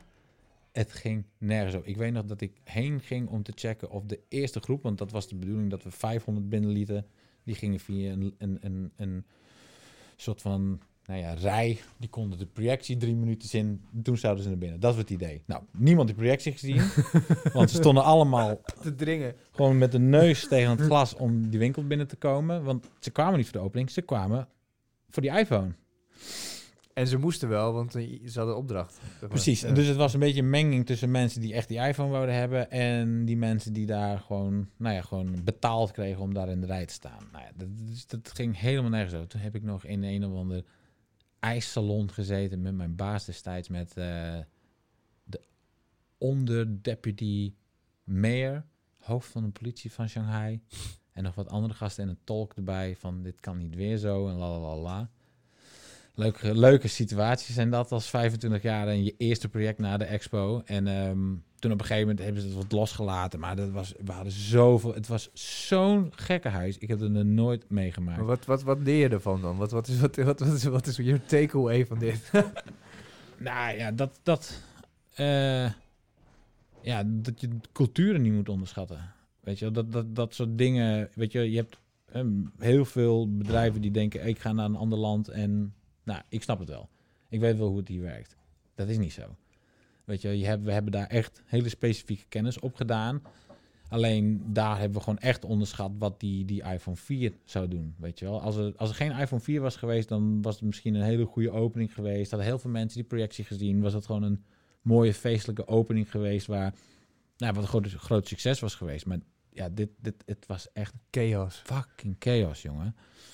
Ja, dat was, was je ook bang? Waar, waar, zat jij op dat moment? Dat al die lui... Was jij in de winkel? Nee, jongen, ik stond buiten. Dus je moet je zien dat het, zeg maar, dat was echt gewoon op een, op een van de grootste, drukste straten, Huahailu, was, was die, die, die winkel.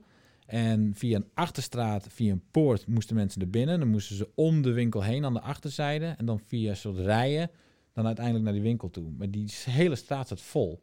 Er stonden allemaal beveiligers voor. Die komt het nooit aan. Weet je wel, er had echt ME te plaatsen moeten zijn. Maar ja, dat kan ook niet zomaar in China. Je kan niet zomaar ME sturen. Nederland natuurlijk ook niet. als hier de ME in staat en er is niks aan de hand, dan zien mensen de ME gaan. Maar daar, dan gebeurt er iets. Ja, ja. Dus dat kon ook niet zomaar. Dus op een gegeven moment, ik ging van de ene plek checken hoe ver die eerste groep van 500 was. En toen liep ik terug en toen, bats, waren de hekken gewoon opengebroken. Stalen hekken gewoon, gewoon uit de muren geduwd. Ongelooflijk. Het is gewoon van die mieren zijn het dan gewoon. Ja, en boom. En, en ik zo, oh nee, nee, nee. En toen dacht ik ook, shit, dat ga ik dus net tegen de, de, de, de stieren van Pamplona aan. Ik stond zo met mijn armen, stop, stop, stop. En toen... En uiteindelijk is de politie er toen wel tussen gesprongen. En dat hek is weer overeind gezet. En uh, ja, fucking hell. Dat was echt wel lijp. En daarna heel veel projecten voor Volkswagen gedaan. Echt overal naartoe geweest. Ik heb per project. Maar hoe, hoe stap je dan over? Ben je dan ZZP'er? Of nee, nee, nee. Ik, ik was in dienst was voor, uh, voor DVP. Was als projectmanager.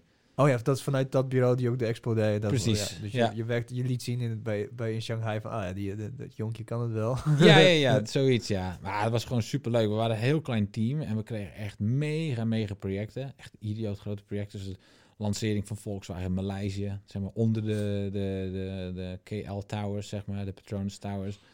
De Filipijnen hebben Volkswagen gelanceerd. Dikke projecten voor Bentley gedaan. The World of Bentley. Ja, dat was ook. Het, maar het is. Ja. Elk verhaal heeft wel anekdotes. Eh, bij Bentley was een hele mooie anekdote. Er was een hele rijke meneer. Die, uh, die was daar en die was op een gegeven moment te laat omdat zijn vliegtuig stuk was. Dat soort dingen. Ja, ja. Dus zo'n grote aandeelhouder die al die Bentley dingen heeft. En die stond op een gegeven moment... Had Wat zegt hij dan? Ja, sorry, mijn vliegtuig was stuk, je kent het wel. Ja, zoiets, ja. ja maar dat, toevallig had ik dat ook een keer eerder gehoord bij een andere hele rijke meneer. Maar dan, ja, in Nederland kan je dat bijna niet... Waar is die persoon? Ja, zijn vliegtuig is stuk. Dat gebeurt hier. Dat, kom je, dat, dat zul je weinig tot bijna nooit horen hier. En uh, even kijken, dus die... Uh, die, die man die, die had op een gegeven moment het idee. Het was, we hadden een, een, een concept, hadden, had de, de creatives bedacht, dat heette The World of Bentley. Dus het was een hele oude, zeg maar, nou ja, binnenstadachtig iets wat Groningen heeft, zeg maar. Zeg maar, weet je waar de provinciehuis zit? Ja, ja. Nou ja, laten we zeggen zoiets, weet je wel. En dan allemaal Bentleys en een soort mini Bentley museum en uh, gewoon een world of Bentley hadden we gecreëerd. Super tof. En die opening die vond plaats en in de repetities was ik op een gegeven moment de fotograaf een beetje aan het rondleiden boven waar hij kon staan om de beste foto's te nemen. En ik zie die man, super rijke meneer, die zie ik met een soort scepter met een uh, Bentley-embleem erbovenop zie ik staan, want dat was zijn speech. En mind you, dat is zeg, zeg maar duizend, misschien 1500 jaar oud, dit gedeelte. Hè? En die man die heeft die scepter en die zegt, en dan zie ik, en ik zie hem het gewoon nog steeds doen. En dan tik ik tegen het ding aan en dan gaat de deur open en dan begint het, dan loopt iedereen mee naar binnen en dan, uh, dan gaan we los. Mapt hij daar op die deur van misschien nog duizend, uh, duizend jaar ouder, op zijn deur van 2500 jaar oud, met die gewoon een deuk in. Oei. Ja, dat soort dingen. Dat is elk, elk project is weer is het anders zo. Nou, anyways, dus heel veel Volkswagen superleuke projecten altijd gedaan. Heel Azië een beetje doorgekrost. En toen op een gegeven moment uh, na onze huwelijksreis in Nieuw-Zeeland, toen dachten we, goh, die vervuiling, daar zijn we wel een beetje klaar mee. En, en met vervuiling bedoel ik natuurlijk, mensen die kennen China wel, Beijing, luchtvervuiling. Maar dat is niet de enige vervuiling die je hebt. Waar, ik had daar heel veel last van lichtvervuiling. Ja, lichtvervuiling. Nooit donker in zo'n stad. Als je buiten loopt, s'nachts, alles blijft hangen. Mede door de luchtvervuiling. Want je, je, je, je thuishaven bleef gewoon Shanghai, ja, zeg maar. Ja, ja, vanuit Shanghai deden we alles. En lichtvervuiling, dat vond ik heel kut. Je zag nooit een ster daar. Dus je wordt eigenlijk een beetje gewoon een beetje gedesoriënteerd met je je inner zelf, om het zo maar te zeggen. De watervervuiling. Dus als je onder de douche wegkwam, dan trok je rug een beetje samen van al het, al het troep erin, die erin zat. Dus toen zeiden we van ja, we gaan. En uh, toen was er nog niks in, in, in Amsterdam. Of in, in, of in Europa. Maar toen kwam de expo. Dus dat was een mooi bruggetje. Dus toen zijn we, hebben. zijn we, ja, precies, zijn we terug verhuisd. hebben we een tijdje in Amsterdam gewoond. En toen een jaar in Milaan gewoond om die, die expo te doen. En... Had je toen ook kids met Milaan? Milaan wel, eigenlijk één. Ja, Pien was toen net geboren. Dus die is geboren in Shanghai. Heeft toen eventjes in, uh, in Amsterdam gewoond. Even in Grauw gewoond. Even in Amsterdam gewoond. Even in Milaan gewoond. En uh, na Milaan, toen hield het op. Dus toen, uh, ja, het bedrijf waar ik voor werk, die, die hadden vier verschillende locaties. In Brazilië, Shanghai, Beijing en toen Amsterdam. En op een gegeven moment, ja, dat, hield op. Ehm, ja, ik weet niet, ik many reasons, maar toen was ik ineens werkloos. Ik woonde net drie maanden volgens mij in Nederland, net een huis gekocht in Hilversum of all places, om, om een beetje dicht bij, bij het werk te zijn. En Amsterdam wonen, ja, dat kon gewoon niet, helemaal niet met een kleintje. Dan zit je op 50 vierkante meter voor uh, 17,50 per maand.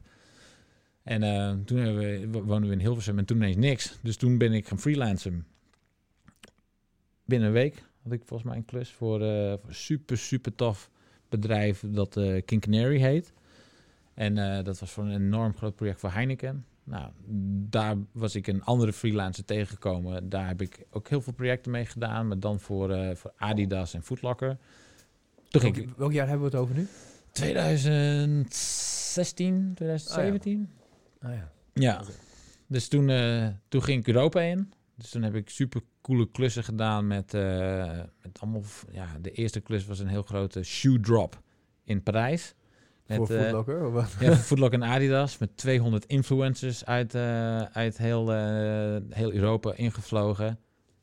Ja, wat een circus was dat. Die, dat was gewoon één groot feest. En in plaats van dat je een billboard dat je zeg maar drie ton aan een billboard uitgeeft, geef je drie ton uit aan een dik feest. En die influencers die vraag je dan om even een post te doen.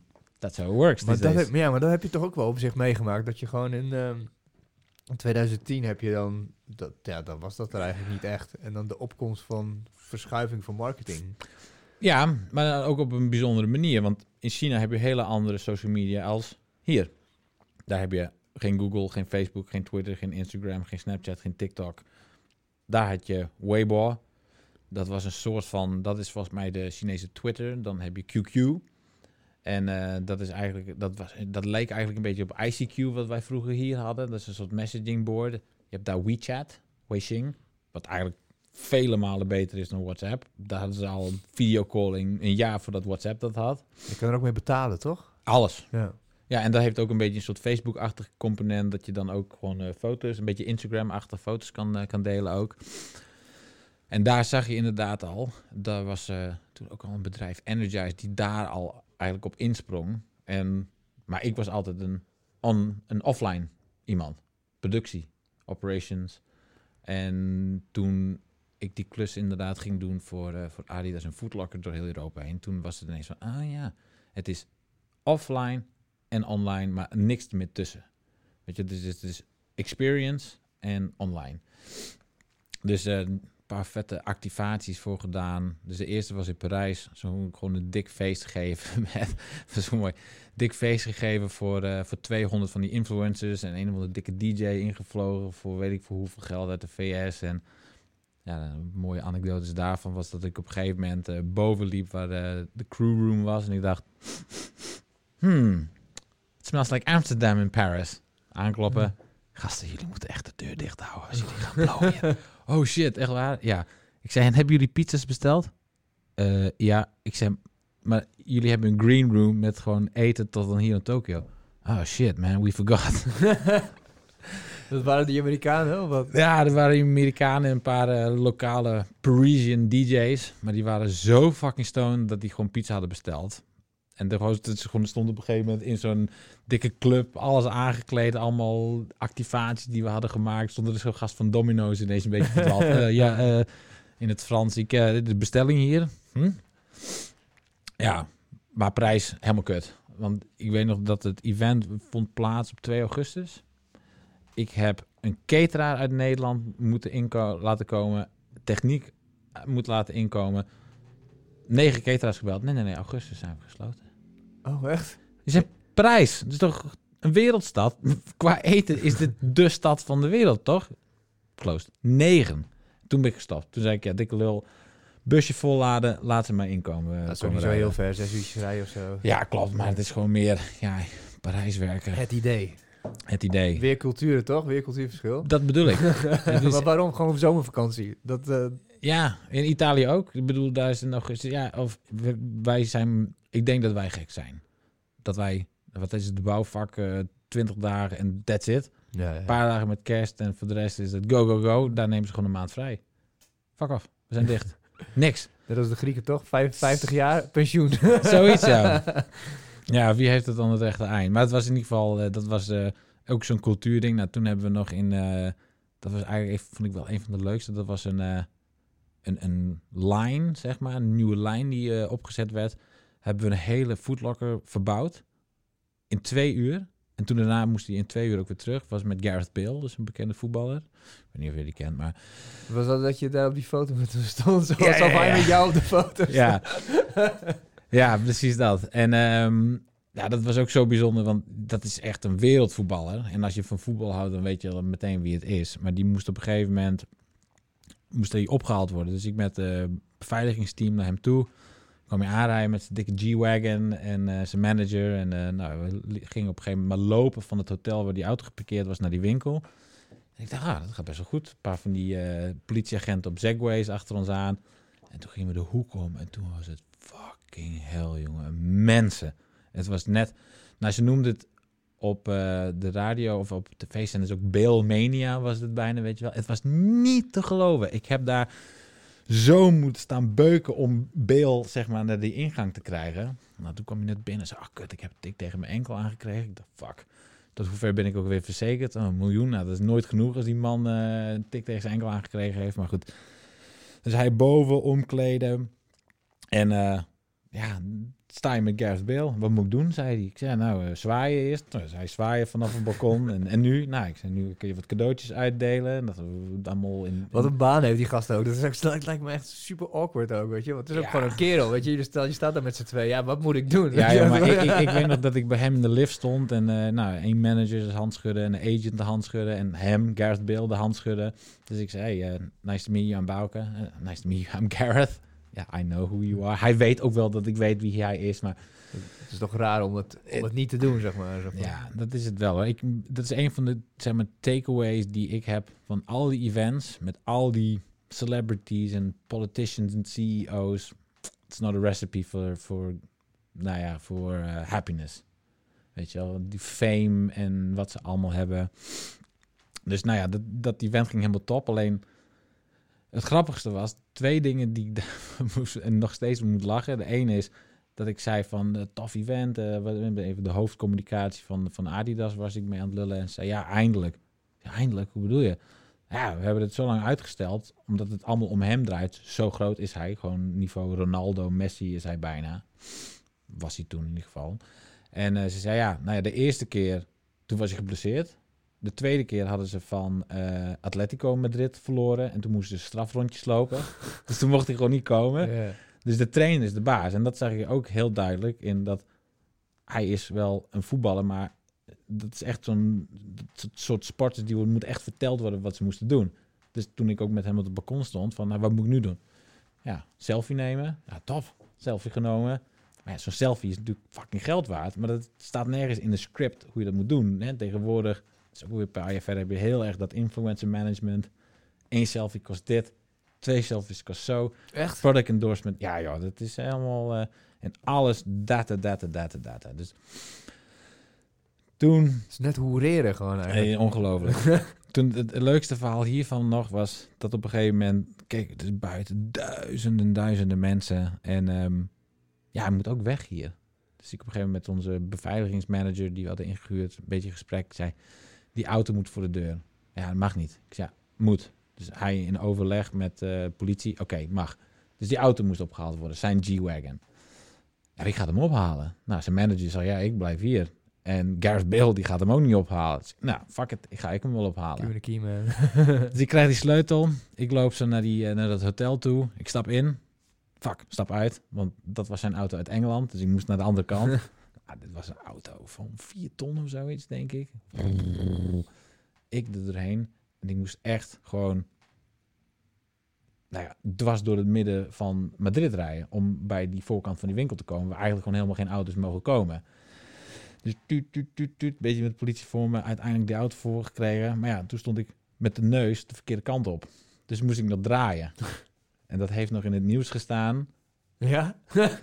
Gareth Bale kan niet rijden. Oh ja, dat, ik zat zo vol sensoren dat elke keer dat ik één centimeter voor ging, piep, piep, piep, piep, piep, piep, piep, Dus dat duurde een eeuwigheid. En uiteindelijk met politiebegeleiding weggegaan. Je dat ik ook eh, helemaal niet in Want ben...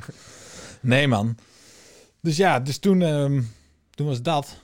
En eh, volgens mij hadden we daarna nog een klus met eh, nog een andere bekende voetballer in München. En uh, nou ja, toen kwam er ineens een, uh, meest roet in de carrière, omdat Luxie werd, mijn zoontje. Dus toen, uh, toen was hij... Dat was toen net geboren, toch ook? Of niet? Ja, zes weken. Dus toen, ik was 4 december, ik was, of 6 december, ik was in München. En uh, toen belde Mink op van, uh, nou, Luc doet het niet goed. En ik weet niet wat er aan de hand is. Nou ja, en toen binnen zes uur, of binnen twee uur, zat hij in de ambulance. En binnen vier uur lag hij aan alle toetsen en bellen die er maar waren in het ziekenhuis in Amsterdam. En toen ben ik naar huis gegaan. En dat was eigenlijk de laatste klus die ik uh, daarvoor had gedaan. En toen ook vrij snel besloten om uh, terug naar huis te gaan. Ik heb daarna wel een paar klussen gedaan. Ook één klus waar ik echt merkte van... Uh, shit, dit, is, dit gaat niet helemaal goed.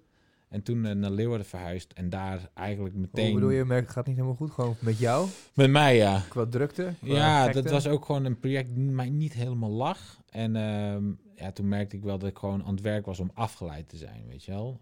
Uh, voor, het geld hoefde het niet eens op dat moment. Ik kon echt nog een beetje chillen. Maar um, ja, zat er gewoon een beetje doorheen. En het is wel gewoon, je moet echt altijd wel je alles geven op zo'n event. Want dat is gewoon inherent aan het vak. You, you can have asset, weet je wel. Uh, dus toen zei Minke van, ja, in de auto, op vakantie. Dat is typisch vrouw. dus ik kon geen kant op. Uh, wij gaan terug naar Friesland. Oh, uh, ik ook? Ja, jij ook. Oké. Dus ik zei, oké, prima, we gaan terug. Maar ik heb drie maanden nodig om een beetje te kijken of er wat te doen is voor me in Leeuwarden. Dus toen uh, de eerste klus die ik daar deed, was natuurlijk fucking mega. Want dat was de opening van de culturele hoofdstad. Oh ja, dat heb je verteld. Ja, ja, ja precies. Ja. En ook daar, ook daar, ook, ja, dat is... En toen kwam, ik kwam je een keer tegen, volgens mij, in de... Oh nee, dat was Koninginnedag. Nee, dat was iets anders. Ja, ja.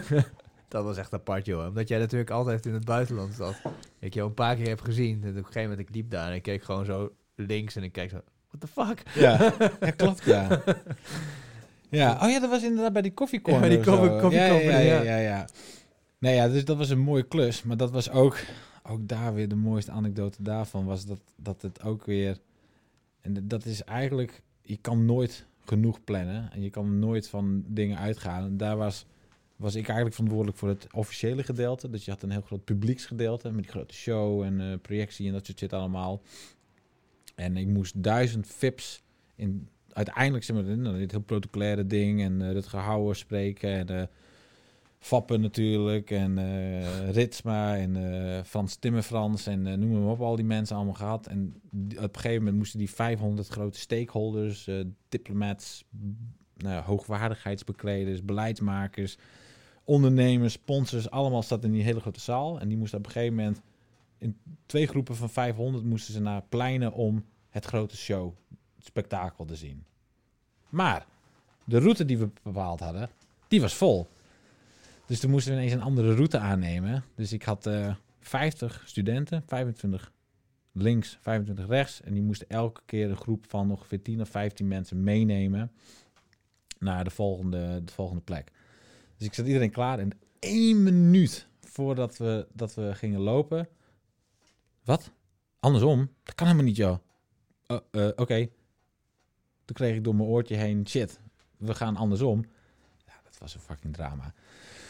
Dus voor de mensen die het gezien hebben, die weten wel hoe het zit. Maar in principe was er een heel groot plein. Net zoals alle pleinen. Uh, weet je wel, de Dam. Uh, de dingen, grote markt. Het zat helemaal vol. En in het midden, met duizenden mensen daar, was een gang. Zeg maar gangpad. En daar zouden de artiesten met paard en zo... zouden daar doorheen gaan. Paard. Met paard, Friese paard. En dat, dat was onderdeel van de show en zang en noem het maar allemaal op allemaal. En um, op een gegeven moment moesten wij ergens achterom via allemaal steek. En op een gegeven moment de beveiliger die zag ineens allemaal mensen aankomen. Het is afgesloten. Ja, dit mensen moeten door. Jongen, totale chaos. Gewoon lopen, lopen, lopen, lopen, lopen. Doorgaan, doorgaan, doorgaan. Maar wat gebeurde er? Ze gingen die gang in. En ze dachten, oh, dit is een mooie plek.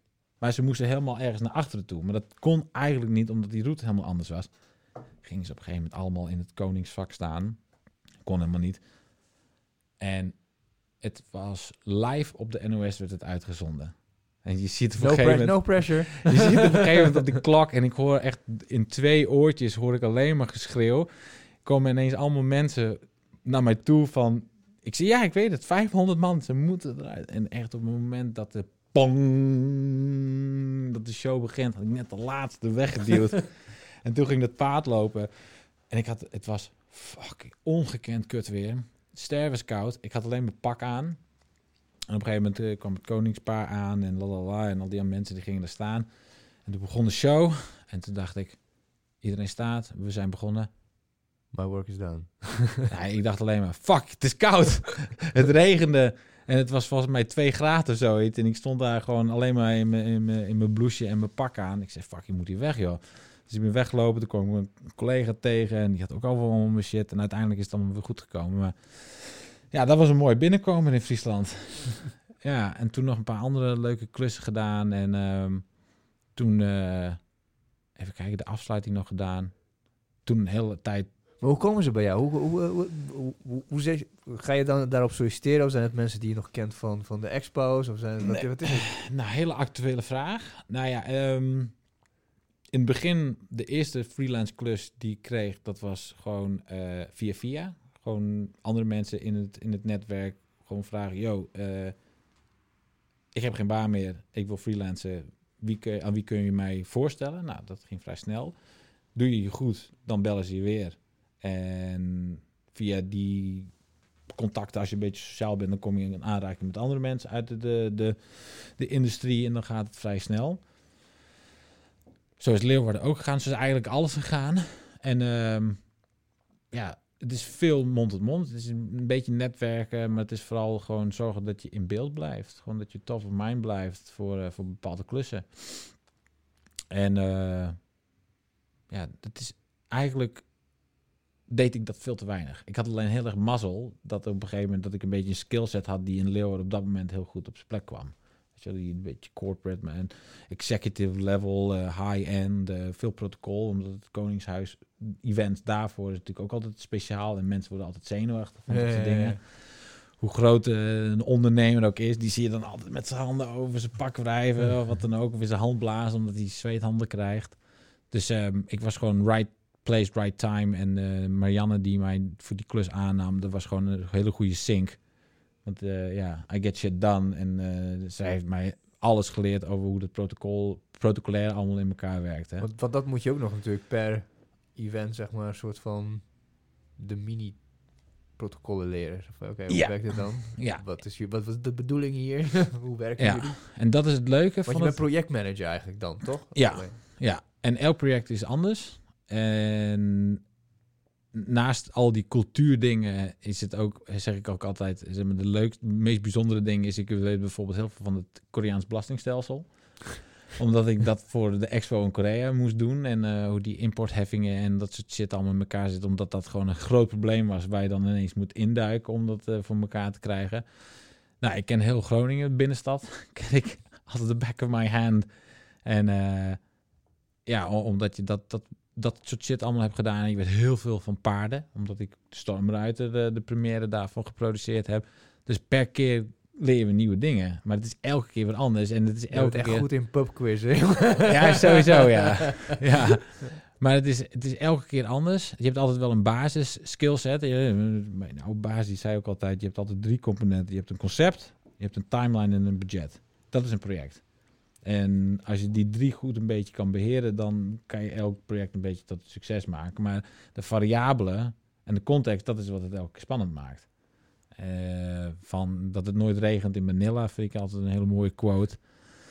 Je, hoe je, je kan plannen, plannen wat je wil, maar natuur heeft altijd de overhand. Helemaal als je buiten dingen doet. Daar kun je gewoon niet omheen. Uh, als het om één iemand draait of om één moment draait, dan kan het altijd misgaan. Dus je kan tot in de treuren blijven herhalen, rehearsen. Het gaat echt om het management daarvan. Dat je op een gegeven moment moet stoppen. Bijvoorbeeld klanten die willen altijd last minute nog dingen hebben. Dan moet je echt proberen sterk te zijn en zeggen, kappen nu. Weet je wel, want nogmaals, helemaal terug aan het begin wat we vertellen van iedereen is wel eens naar een event geweest, dus denken ze ook dat ze weten hoe een event werkt. Nou, dat is gewoon niet zo. En de groter het event wordt, vaak de complexer het wordt. En dan heb je techniek en rehearsals en alles zit aan elkaar vastgelinkt, weet je wel. Dus eigenlijk is het, het is een soort supply chain binnen zo'n event waar iedereen aan mee moet doen. En als het op een gegeven moment niet gebeurt, dan, dan, nou ja, dan is de weakest link, die gaat dan op een gegeven moment breken. Maar heb je nu, kun je überhaupt nog normaal naar een event toe? Um, nou, ik moet wel zeggen dat met name door die jaren als portier werken, dat was best wel kut. Want dat was eigenlijk, dan ging ik heel vaak, stond ik met, altijd met de rug naar de muur. Ja, overzicht. Ik was altijd bezig waar de deuren zijn. Ik bemoeide me altijd met alle ruzies die er waren. Dat heb ik losgelaten. En sinds een paar jaar zie ik het nog wel, maar doe ik er niks meer mee. Want ik weet wel bijvoorbeeld, uh, vrienden van mij die doen echt, ja, jij, jij zit dan echt in die project uh, uh, management deel en de, die vrienden van mij zitten dan echt als food soldiers in, als in de productie. Nou, die kunnen, kunnen niet meer normaal een festival op. Dan is het zo, ja, jezus, kijk, wat staan die lui nou daar te doen? Wat is hier nou weer aan de hand? Hoezo is dit hier niet aanwezig, weet je wel? Gewoon al die dingen waar ze zelf op afgerekend Hmm. worden dan, zeg maar. Ja, Nee, nou, ik denk dat het met, met, ja, met ervaring komt of zoiets. Maar ik zie het allemaal wel. En je ziet alleen nog maar meer. En eh, alleen nu kun je ook soms wel wat verder nadenken in waarom. En ja, fuck it, you let it go. Sowieso is het een je eigen festival is, wat ga je ermee doen? Ja. Ik heb op een gegeven moment wel, volgens mij wel één keer als een soort snotaap nog een keer een e-mail gestuurd met verbeterpunten van dingen. En dan, ja, what the fuck. Op zich is niks mis mee, maar nogmaals, weet je wel, zo'n event, je weet eigenlijk wel hoeveel context en variabelen erbij komen. En je weet dat het altijd mensen is, met mensen werken, voor mensen werken. En helemaal als je, nou dat weet je ook wel, als het met, om artiesten gaat, of uh, CEO's of celebrities of wat dan ook, dan heb je sowieso niet meer in de hand. Dan het weer, noem hem op. Ja, het, Het is gewoon too much. ja het- oneindige variabelen. Het is niet een, eh, een, een, een, een je, Formule. Nee, Nee. dit is, dit, dat, is, dat is altijd, en dat, daarom ligt het ook wel een beetje bij mij. Het is veel ad hoc, in, uh, improvisatie. Weet je wel, dat je gewoon um, on the spot dingen moet doen. En meestal gaat het goed, soms gaat het niet goed. Maar ja, ik ben het in ieder geval, ik heb het in ieder geval losgelaten. Want ik had het in, in het begin ook, omdat ik heel veel in de horeca had gewerkt. Kut biertje getapt. Oh, dat doet hij niet goed, dat doet hij niet goed. Ja, het is gewoon, hoe heet het, uh, occupational hazard of zo. het is echt, uh, ik, heb, ik heb mezelf was een keer betrapt op een, uh, tijdens een bruiloft. toen, toen, toen was de vader die een speech zou houden, die, was, die lag in het ziekenhuis best wel, best wel naar eigenlijk. Ging die moeder het voorlezen en dan moest ze huilen af en toe. En toen, ik weet nog dat ik toen zat te luisteren en dan kwam zo'n alinea en dan gebruikte die iets van drie of vier keer hetzelfde woord. En ik zat echt zo, serieus, dit woord weer? Godverdomme, synoniemen, motherfucker. En dat was op een gegeven moment, oh nee man, dit is, dit is, ik ben niet aan het werk, hè, weet je. Laat, ja. dit, laat dit gewoon. Ja, ja, ja. Dus dat, uh, ja, daar kun je gewoon niet omheen. Zeg. Nee. Nee, maar dat, dat, dat portier, dat was echt wel het ergste. Dat was constant scannen en nou ja, dat kun je heel moeilijk ontspannen. Ja. Dat heb ik op een gegeven moment losgelaten. En met, met die events ook. Ja, je ziet het wel, maar ja. Kijk, ik denk dat als je op een gegeven moment erachter komt dat met events uh, en dat soort producties, het kan altijd beter. En dat is een beetje mm, misschien perfectionisme, maar het kan altijd beter. Dus dat komt omdat je gewoon nooit alles onder controle kan hebben. Je hebt events die enerzijds perfect gaan, dan is er weer iets anders. Of het publiek doet niet mee, daar kun je ook niks aan doen. Weet je wel, mensen en emoties, want dat is eigenlijk wat je aan het verkopen bent vaak. Hè? Je wil een, een verhaal vertellen of je wil iets overbrengen en daar zitten altijd valkuilen in waar dingen misgaan. Weet je wel? Ja. Dus de, ik heb het laten gaan, gelukkig maar. Mooi. Ja. ik zit even te kijken naar de tijd, want jij moet ook uh, straks uh, weer de trein hebben. Oh, gaat het alweer snel, ja? Ja, joh, dat gaat echt heel snel. Dus vandaar. Uh, we hebben nog een half uurtje ongeveer. Ja. You're getting shred? ja. Ja, waar heeft dat mee te maken, inderdaad? Shred City. Uh, waar komt het door?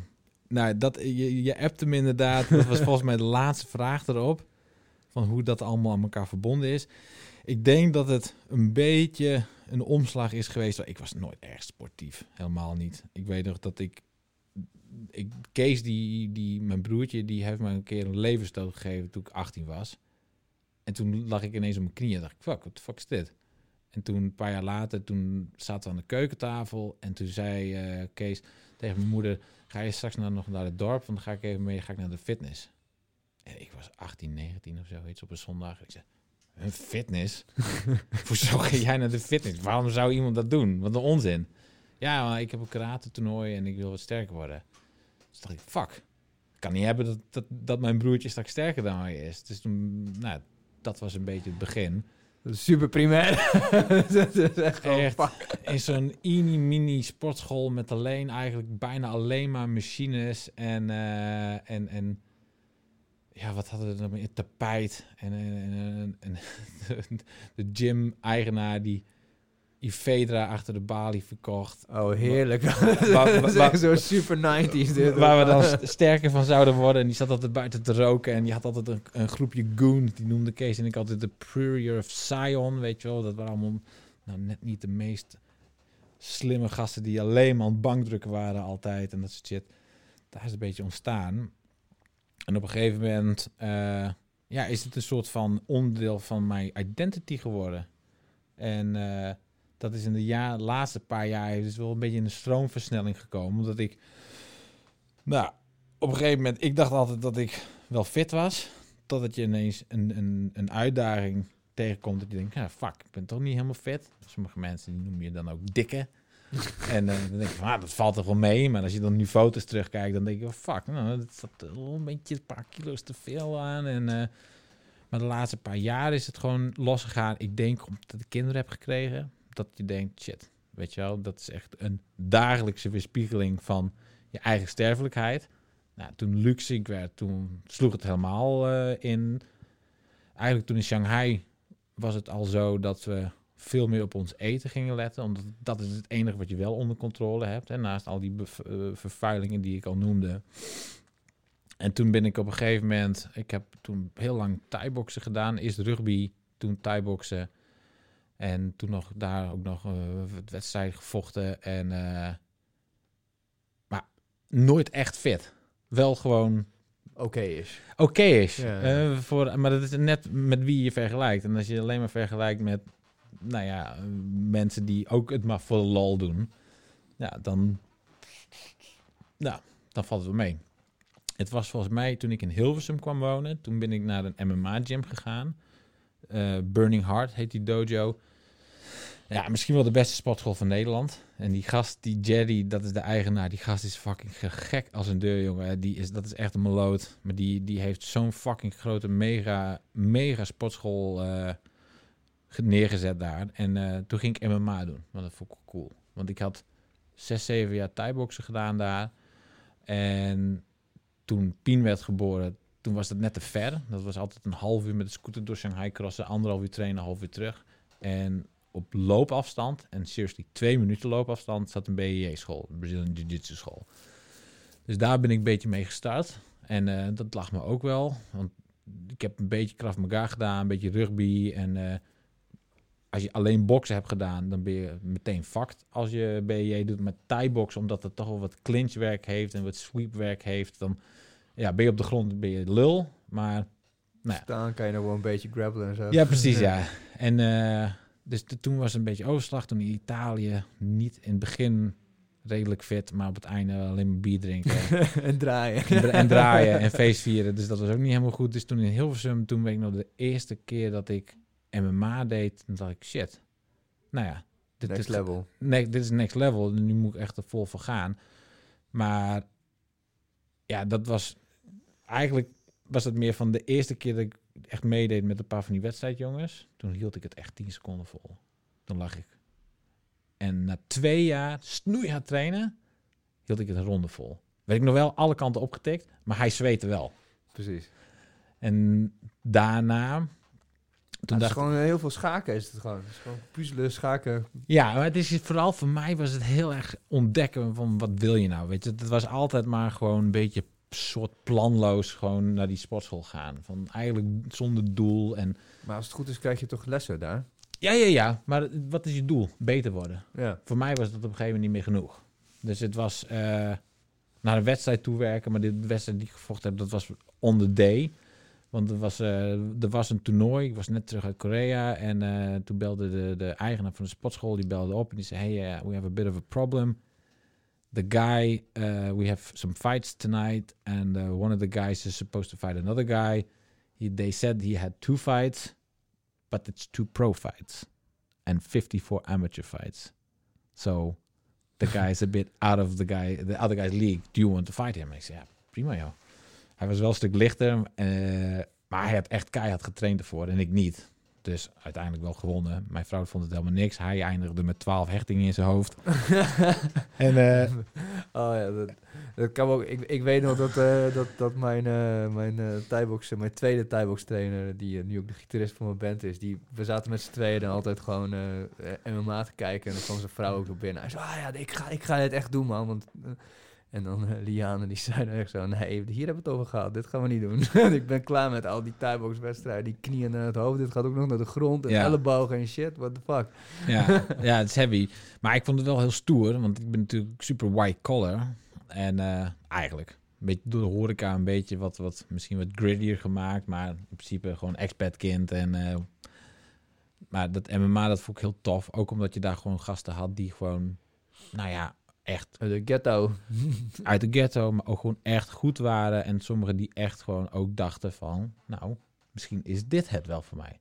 Nooit, ever heb ik daarover nagedacht. Dat ik ook ooit iets van pro zou worden. Ik denk, als ik ooit ergens in had kunnen... Echt in kunnen excelleren, dan was het golf of tennis geweest. Daar had ik echt talent voor. Maar dat is golf of tennis? Ja, tennis dat hield op toen ik toen de meisjes gingen puberen en die sloegen mij allemaal alle kanten van de baan op. Omdat ik nog een of andere toothpick was van 40 kilo. En dat golf, ja, dat is gewoon in Nederland heel lastig. Dus uh, daar zijn we beide mee gestopt. Maar dat vechtsporten, ik vond het gewoon leuk. Uh, voor mij gaf het heel veel ontspanning. Ik vond het stoer om te doen. Maar op een gegeven moment was het samen met dat fitnessen van waar ga je naartoe, weet je wel. Het was altijd heel stom, want ik combineerde altijd powerlifting met thai-boksen eigenlijk slaat het nergens ja, op. Ja, high intensity met uh, juist lompe uh, precies. Worden, ja, precies. Nee, maar dit is gewoon een evolutie. Dus je bent constant, in ieder geval hè, met die gekke broertjes van mij die jij ook kent, elkaar aan het opjutten. dus weet je wel, altijd... Shout-outs wel. Shout-out is wel. 130 kilo uh, bankdrukken. Ja, precies, ja.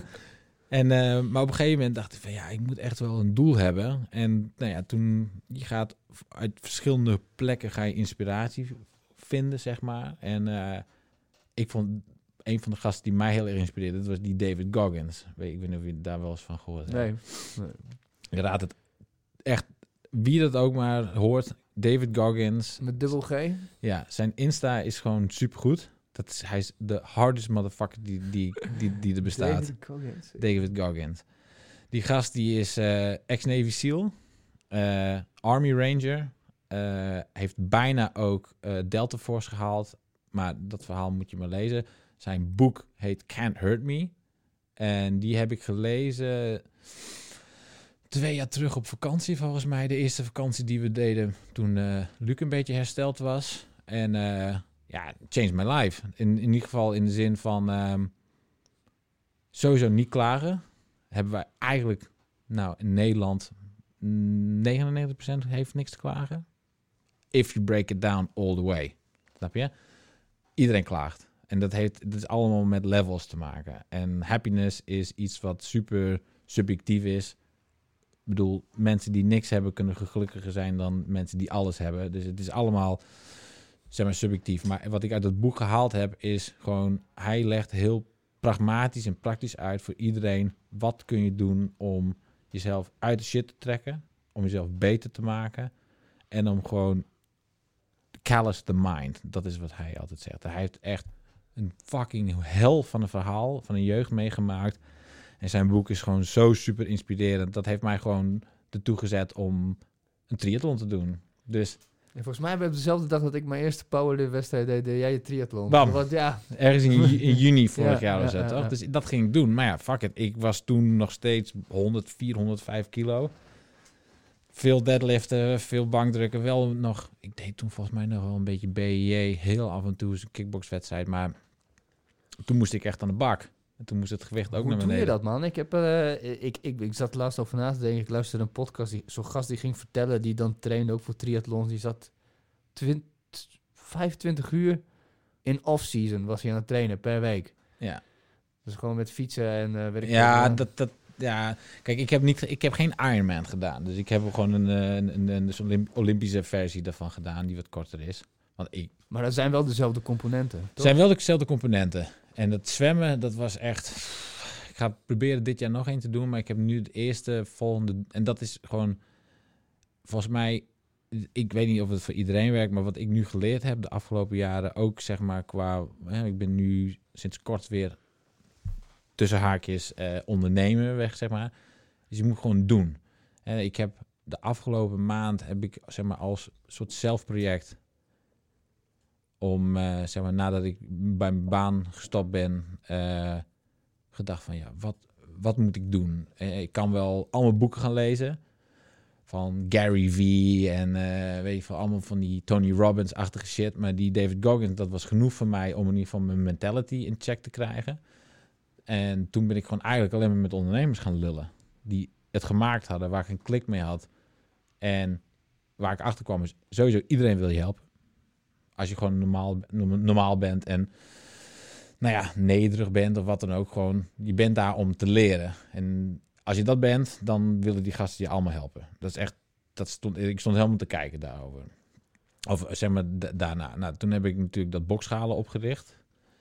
Dat Knokken was met je hart. knokken met je hart, ja. Eh, wie weet gaan we dat ook nog een keer hier doen. eh, in Groningen. Misschien volgend jaar. Ehm, maar dat was, weet je wel, dan doe je iets goeds. En dat zien mensen en mensen waarderen dat. En weet je wel, dat was eigenlijk zo. het- Ooit toen dat knokken met je hart begonnen ook was, toen wou ik eigenlijk de talk the talk, walk the walk ding, wat ik altijd in mijn hoofd had. Eh, dat gaat steeds meer spelen. En na het lezen van het boek ook, dacht ik van shit, ja, ik moet, als ik me profileer als iemand die gezond is, dan moet ik me al echt daar nu aan gaan houden. Dus dat die paar kilo te veel, kan eigenlijk niet. Toen heb ik die ook nog een keer meegedaan met die, eh, zeg maar, want ik zou het organiseren, maar toen viel er iemand uit, dus toen heb ik ook nog meegetraind en uiteindelijk nog een wedstrijd gevochten en gewonnen.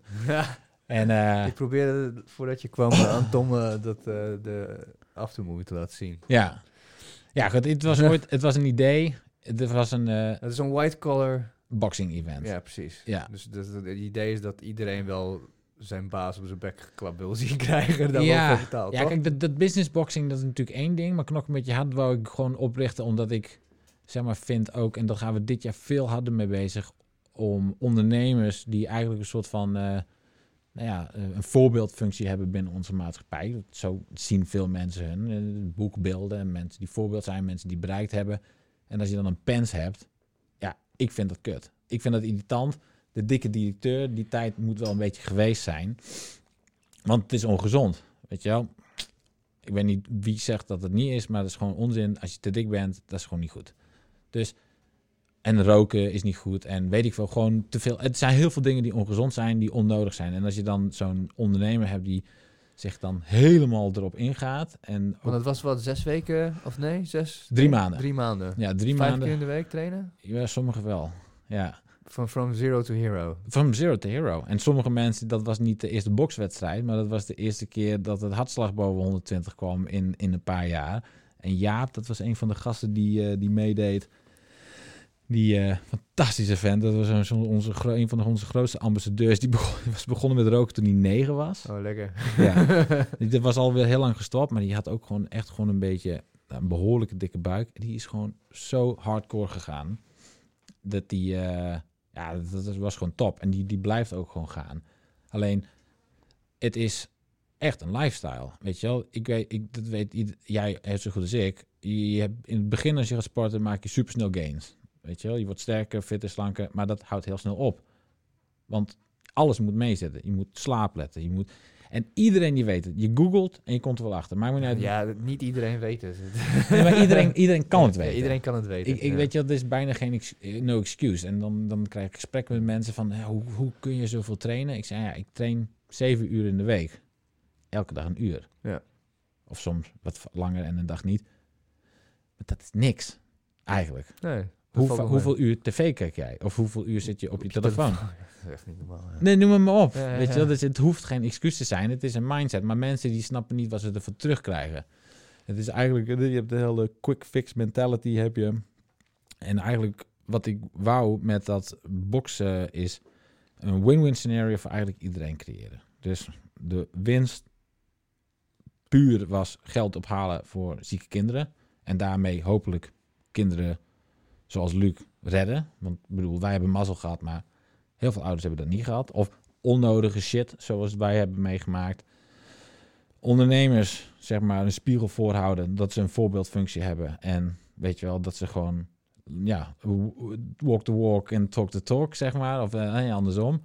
En nou ja, dat maatschappelijke stuk, zeg maar. En uiteindelijk was het voor mij de winst, was gewoon een dik event neerzetten, mijn visitekaartje neerleggen.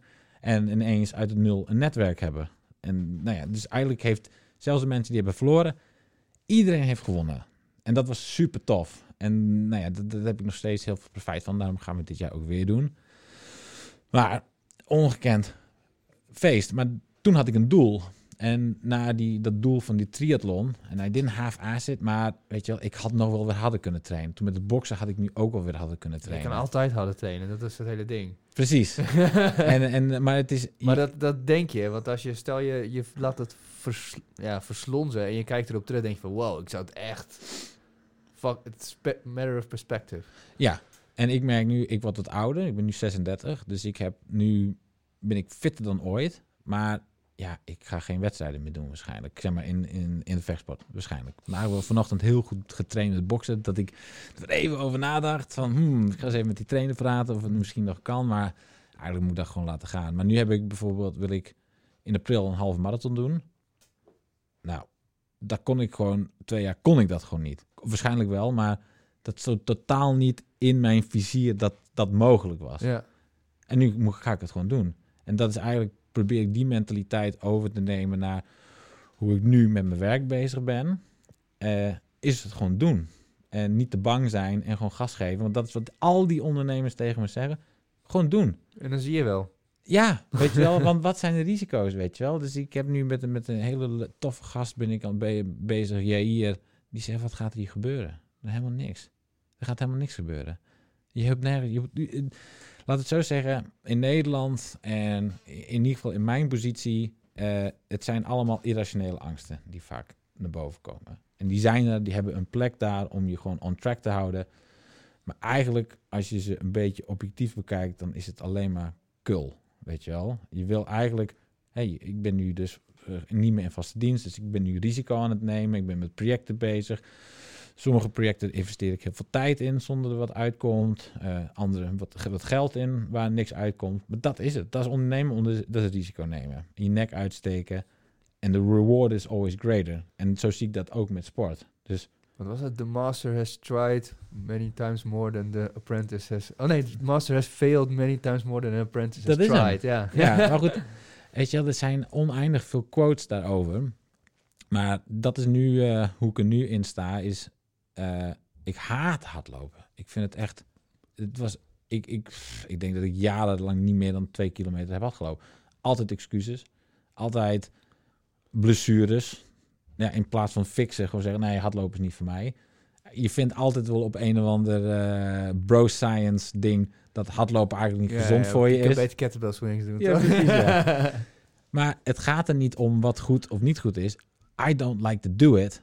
That's why I do it. Weet je wel, vorige week, of twee weken terug, was ik op een zondag, was, hoe heet je die storm ook alweer? Kiara of Ja, Dennis Kiara. of wat dan ook. Ja, vorige week was Dennis, eh, de week daarvoor was Kiara. Ja, volgens mij nou, een van de twee. En ik liep de sportschool in op zondag. Ik had de, kind, eh, de kindjes bij, eh, die waren gedropt. En ik, ik zag iedereen op die sportschool. Een beetje half-ass op zo'n cross-trainer aan het wandelen, weet je wel. En, hamster cage. en, niet, en het is altijd zo, weet je wel, ik zit bij een hele mooie sportschool, maar dat is niet echt het meest motiverende. En ik keek naar buiten, het kwam met bakken eruit. Ik had een korte broek aan, ik had een t-shirt aan. Ik dacht, weer fuck it, ik ga gewoon buiten hardlopen.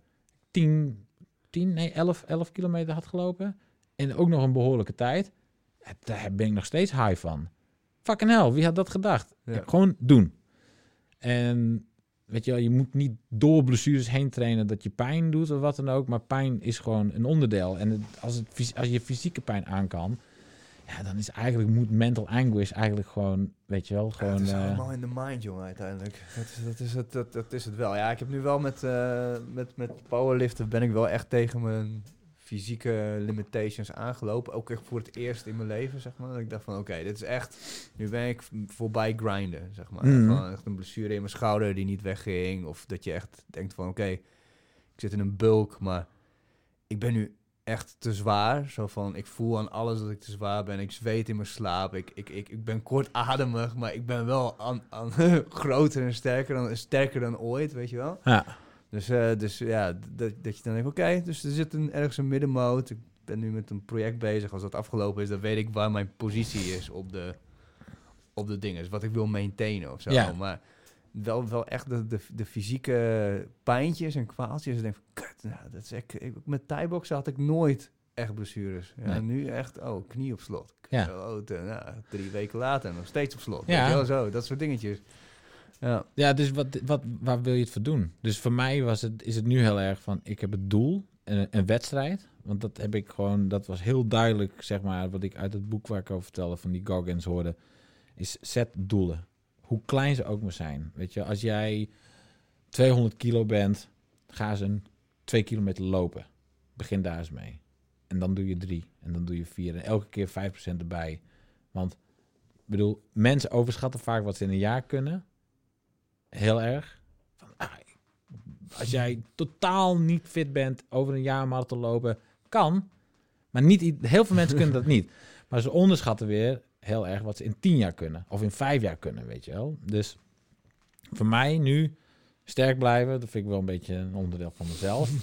Eh, ik heb gewoon, dat boksen heb ik helemaal gevonden. Want ik, ja, dat heb ik niet gebokst, omdat het, ja, als je MMA kan, waarom zou je gaan boksen? maar precies. het is gewoon de sweet science, dus er zit veel meer in. Ik merk dat dat ook gewoon, ja, ik voel me er heel goed bij. Niet blessuregevoelig. Eh het heeft nog wel dat Spartaanse, het heeft dat, dat klassieke. Het is goed voor je netwerk. Heel veel ondernemers, zeg maar, die boksen wel, maar die gaan zeker geen MMA doen. Dus Nee, komt ook op een gegeven moment een beetje wat Je komt uit het drugscircuit in de, in de high-collar circuit. Ja. ja, precies, ja. Dus dat heeft het voor mij. Ja, en dat hardlopen, dat is puur soort nou ja, zelfmasochisme. ik, ik vind het kut. En daarom doe ik het. Omdat ik weet dat als ik het gedaan heb, dan voel ik me beter. En het is hetzelfde met, met werkdingen. Ja, soms zit je s'avonds nog uh, shit te doen. Maar je weet, als het af is... En dat is helemaal waarom ik het nu helemaal doe. Want alles is bij mij personal. Dus ik doe al mijn, altijd mijn ziel en zaligheid te inzetten. Nou ja, en als je dat voor een baas doet, die heeft zijn eigen opinions erover wat er ook. Dus dat gaat op een gegeven moment, kan dat misgaan. En als je voor jezelf werkt, dan kan het niet misgaan. Bewijs van. Ja, ja, ja. Snap je? Ik snap het. Dus dat is, ja, dat is wel het uh, beetje waar we nu in, in, het leven staan. En nu ook uh, nou, met projecten bezig. Ja, het is een beetje in, met dat hardlopen. Dat zie ik een synoniem aan, want het was altijd powerlift en vechtsport. Fuck hardlopen, fuck triathlons, dat is helemaal niks voor mij. Nu ben ik het gaan doen en tegelijkertijd heb ik ook een soort van nieuwe opening gemaakt voor mijn carrière. Want ik doe nu ook veel meer andere dingen dan alleen maar events. Dus ik, ja, ik heb nu net een project voor Kim Holland gedaan. Oh ja, wat heb je gedaan voor Kim Holland? Ja, vet cool jongen. dus ik heb, um, nou ja, zelf evaluation. Dus ik, eh, vorig jaar deze tijd, toen ben ik weer voor een baas gaan werken. Super tof in het begin. Uiteindelijk was het nou, niet een match. Dus ben ik ermee gestopt. Maar echt intens veel geleerd daar. En mijn valkuilen waren, ik netwerkte niet, omdat ik dat gewoon kut vond. En dat deed ik daarom niet. en nu doe ik het wel. Ja. Maar wel op mijn eigen manier. En wat ik ook, uh, zeg maar, vooral niet deed, was... Uh, naast het netwerken was gewoon... Nou ja, dat heeft een beetje met elkaar te maken. Maar naast het netwerken fysiek was het ook gewoon... Ik deed niks op socials. Ik profileerde me totaal niet. Ik wist heel, totaal niet hoe ik mezelf moest marketen, vermarkten of verkopen. En dat, dat heb ik nu wel door. Dat is lastig ook hoor. Je moet het ook volhouden. Dat is echt precies. Dat, is de lange adem. En, en mijn andere grote valkuil is ik werkte thuis. Ja, en daar heb je... Kijk, ik heb dus niet heel veel discipline. Maar ik ben wel slim genoeg om trucjes te creëren... waardoor ik die discipline niet meer nodig heb. Dus nu het afvallen... Ik heb gewoon shit meer in huis. En als je het niet in huis hebt dan kun je het ook niet doen. Nee, precies. en thuis... Heb je, heb je, geen kantoor? Heb je geen behoefte aan een kantoor? Ja, ik heb een kantoor. Oh, je hebt nu een kantoor? Maar niet thuis. Oké. Dus ik heb nu... Een van de ondernemers die met mij meedeed... waar ik nu ook een paar projecten mee aan het oprichten zijn... Ja, dat, dat is gewoon... Als jij je maar goed omringt door allemaal mensen waar jij je een, een imposter door voelt, zeg maar. Weet je wel? Dat, dat, muzikanten hebben dat ook heel vaak. Van ben ik wel goed genoeg en uh, nemen ze me wel serieus. Don't be the smartest guy on the, in, on the table, toch? Precies, ja. At ja. the table. ja, at the table. En dat ben ik nu helemaal niet. Weet je wel? En op een gegeven moment, je hebt een periode dat dat heel tof is om on top of the hill te staan. Te sterk te zijn of uh, wat dan ook. De, maar daar groei je niet. Dat is niet de comfortzone. Mm. Dat, of dat is de comfortzone. En daar moet je uit om te groeien. Dus ik ben nu alleen maar met mensen bezig die veel beter dan mij zijn. Veel slimmer, veel succesvoller. En dat, dat maakt je handel. Maar als je een beetje je kop erbij houdt, dan denk je: fuck, hier kan ik alleen maar verleren. Het wordt alleen maar beter. En zij nemen jou dan ook serieus als jij goede dingen doet. Weet je wel? En dan, dan krijg je ook een high van. denk ik: fuck. Hey, mijn ideeën worden gewoon gewaardeerd. En het is allemaal mijn eigen input. En ik ben zelfstandig. En nu met Kim Holland, zij... Even kijken, even terug. Die dame, een van de dames die mee bokste, Trudy, dat was ook een beetje mijn schop onder de kont toen ik de handdoek in de ring zou gooien voor het hele knokken met je hart project. Want ik kreeg het niet van de grond. Ik had niet het netwerk dat ik dacht dat ik had. Het, ik had de valkuil was van, nou, iedereen heeft wel een keer een klap in de bek gehad of klap gegeven of sport zoals ik. Dat is totaal niet zo. Dus dat was gewoon een eye-opener. En zij zei, ja, maar ik ga meedoen. En ik neem drie, vier boxes mee en ik heb al tien tafels verkocht. Dus jij moet. Fuck, nu moet ik ook. En, nu, en het is gelukt. Maar die schop onder je kont, die heb je nodig en die moet je ook opzoeken. Dus die heb ik gevonden. En ik had een afspraak met haar om wat projecten op te starten. Waarvan één, dat, uh, dat verhaal van Kim Holland, kom ik zo op. Maar zij zei tegen mij, als je een plek nodig hebt om te werken, kom je maar hier. En toen heb ik haar die avond opgebeld. Ik wil gewoon een vaste plek. Kan dat ook? Kan. Kost niks. Super mazzel gehad. maar ik heb nu een plek waar ik naartoe fiets en waar ik alleen maar aan het werk ben. Want thuis, ik heb die discipline niet. Ik kom thuis, pak je koffie, Ah, toch nog even iets checken. toch nog even iets checken. Het was een paar, uh, vorig jaar weet ik nog dat ik gewoon wel eens een dutje deed. Fuck off, jongen. Dat kan helemaal niet, man. Dat slaat echt totaal nergens op. Werk aan de winkel. Mooie tijden. Ja, mooie tijden. Maar daar word je niet gelukkig van. Ik, word er niet geluk, ik werd er niet gelukkig van. Dus ik heb nu eigen kantoor. En met Kim Holland, ja, mensen zouden zeggen van, waarom doe je dat? Nee, vet joh. Zij is een dikke ondernemer joh. Die Sowieso. Een vette empire heeft opgebouwd. Ja. Ja. En ehm, ja, dan merk je gewoon dat, dat je... En dat was mijn soort van mijn eerste klus. Maar wat moest je doen dan? Moest je een of ander evenement? Of wat? nou, Kim die is natuurlijk bekend van een aantal dingen. En die heeft nu... eh, ik weet niet eens nog niet de bron helemaal. Dat heeft ze vast verteld, maar dat moet ik even even achterhalen. Is wat zij nu doet, is zij gaat... zo op bijna een soort college tour, maar dan sex education. Oh, wat vet. Dat is echt En niet geitenwolle sokken of biology les en de, de, de, de, de, de hoe noem je het ook, eh, de, de bij en de, de bloemetjes en de bijtjes. ja, dia. Gewoon Hardcore. niet eens hardcore, maar gewoon, ik bedoel, iedereen doet er zo giechelig over. En het is natuurlijk een super soort van nog half Calvinistisch land hier, hoe vrij we ook zijn. Maar over seks praten, dat doen we eigenlijk nooit. Ik heb het in ieder geval niet vaak met andere mensen over seks. Jongens, dat is allemaal blasaal. eh, die geneukt, die geneukt. Vrouwen, die gaan wat in met detail. Maar vragen stellen erover, en helemaal op middelbaar onderwijs, mensen krijgen het gewoon niet mee. En helemaal nu, sexting, loverboys, shit online zetten, Ja, ja. porno, het is overal. Ik kreeg echt van iemand, eh, ik, ik vroeg laatst voor, voor de grap aan, eh, aan, eh, aan een vriendin van mij van, heb je, kreeg je wel eens dickpics? En toen zei ze zo van, ja, ja joh, ik heb gewoon een heel mapje, daar stop ik zo allemaal in. Ik zo, ja, ha, zei, nee, zeg zo. Het is echt zo. Ik zo, "Huh, wat, meen je dat? Zij zei, ja, ik heb gewoon een mapje en daar stop ik ze in. Voor het geval dat, eh, ja, dat, dat ik iemand moet chanteren, zeg maar. Ik zo, what the fuck? Kregen ze via WhatsApp? Nee, of voorna- vo- voornamelijk Instagram. Of gewoon gasten die, wat is dat? What the fuck is dat? Sliding into the DM's with a dick pic. maar, weet je wel, en ehm, ja, je kan gewoon niet aan haar geloofwaardigheid twijfelen. Weet je wel, dit- dit was natuurlijk, zijn wel mensen die, ja, hoezo zij dan? Ja, wie, hoezo iemand anders? Wie gaat het beter vertellen? Zij weet alles over de, de werkingen, over wat wel werkt, niet werkt. En ze doet het zo schaamteloos en zo eerlijk en zo open. En gewoon echt gewoon met gewoon een gedegen verhaal. Dat het gewoon super aanslaat. En daar hebben we de pilot voor gedaan. En ik heb eigenlijk zeg maar het hele online ehm, gedeelte daarvan gedaan. En denk ik allemaal pro bono met uitzicht op dat het straks meer gaat worden als het een tour wordt en eh noem maar op allemaal. Maar superleuk om daar aan mee te doen. A righteous cause, A weet righteous je wel. cause, en als je daar, net zoals met knokken met je hart, als je dat in je leven kan hebben, ja, dat is gewoon top. En het was gewoon superleuk om mee te werken. En dan is het wel grappig, je hebt bijvoorbeeld dan, ik kreeg, weet ik veel hoeveel appjes ik wel niet heb gekregen. En nou ja, soms het puberaal. Maar de meeste mensen, het gros van de mensen, leuk man, leuk, is het leuke vrouw? Nou, vertel ik, ja, super, ondernemend, slim en, en nodig. Dat is gewoon, dat is gewoon feit, Ja. weet je wel. Want op die middelbare scholen, ja, die leraren die er al 40 jaar zitten, die weten bij god niet wat ze ermee aan moeten als een meisje komt. Ehm, meneer Jansen, er is weer, weer die jongens uit klas 3C. Die sturen me constant met dickpics en vragen of ik een gangbang wil. What? Eh, de, um, eh, wat? Ja.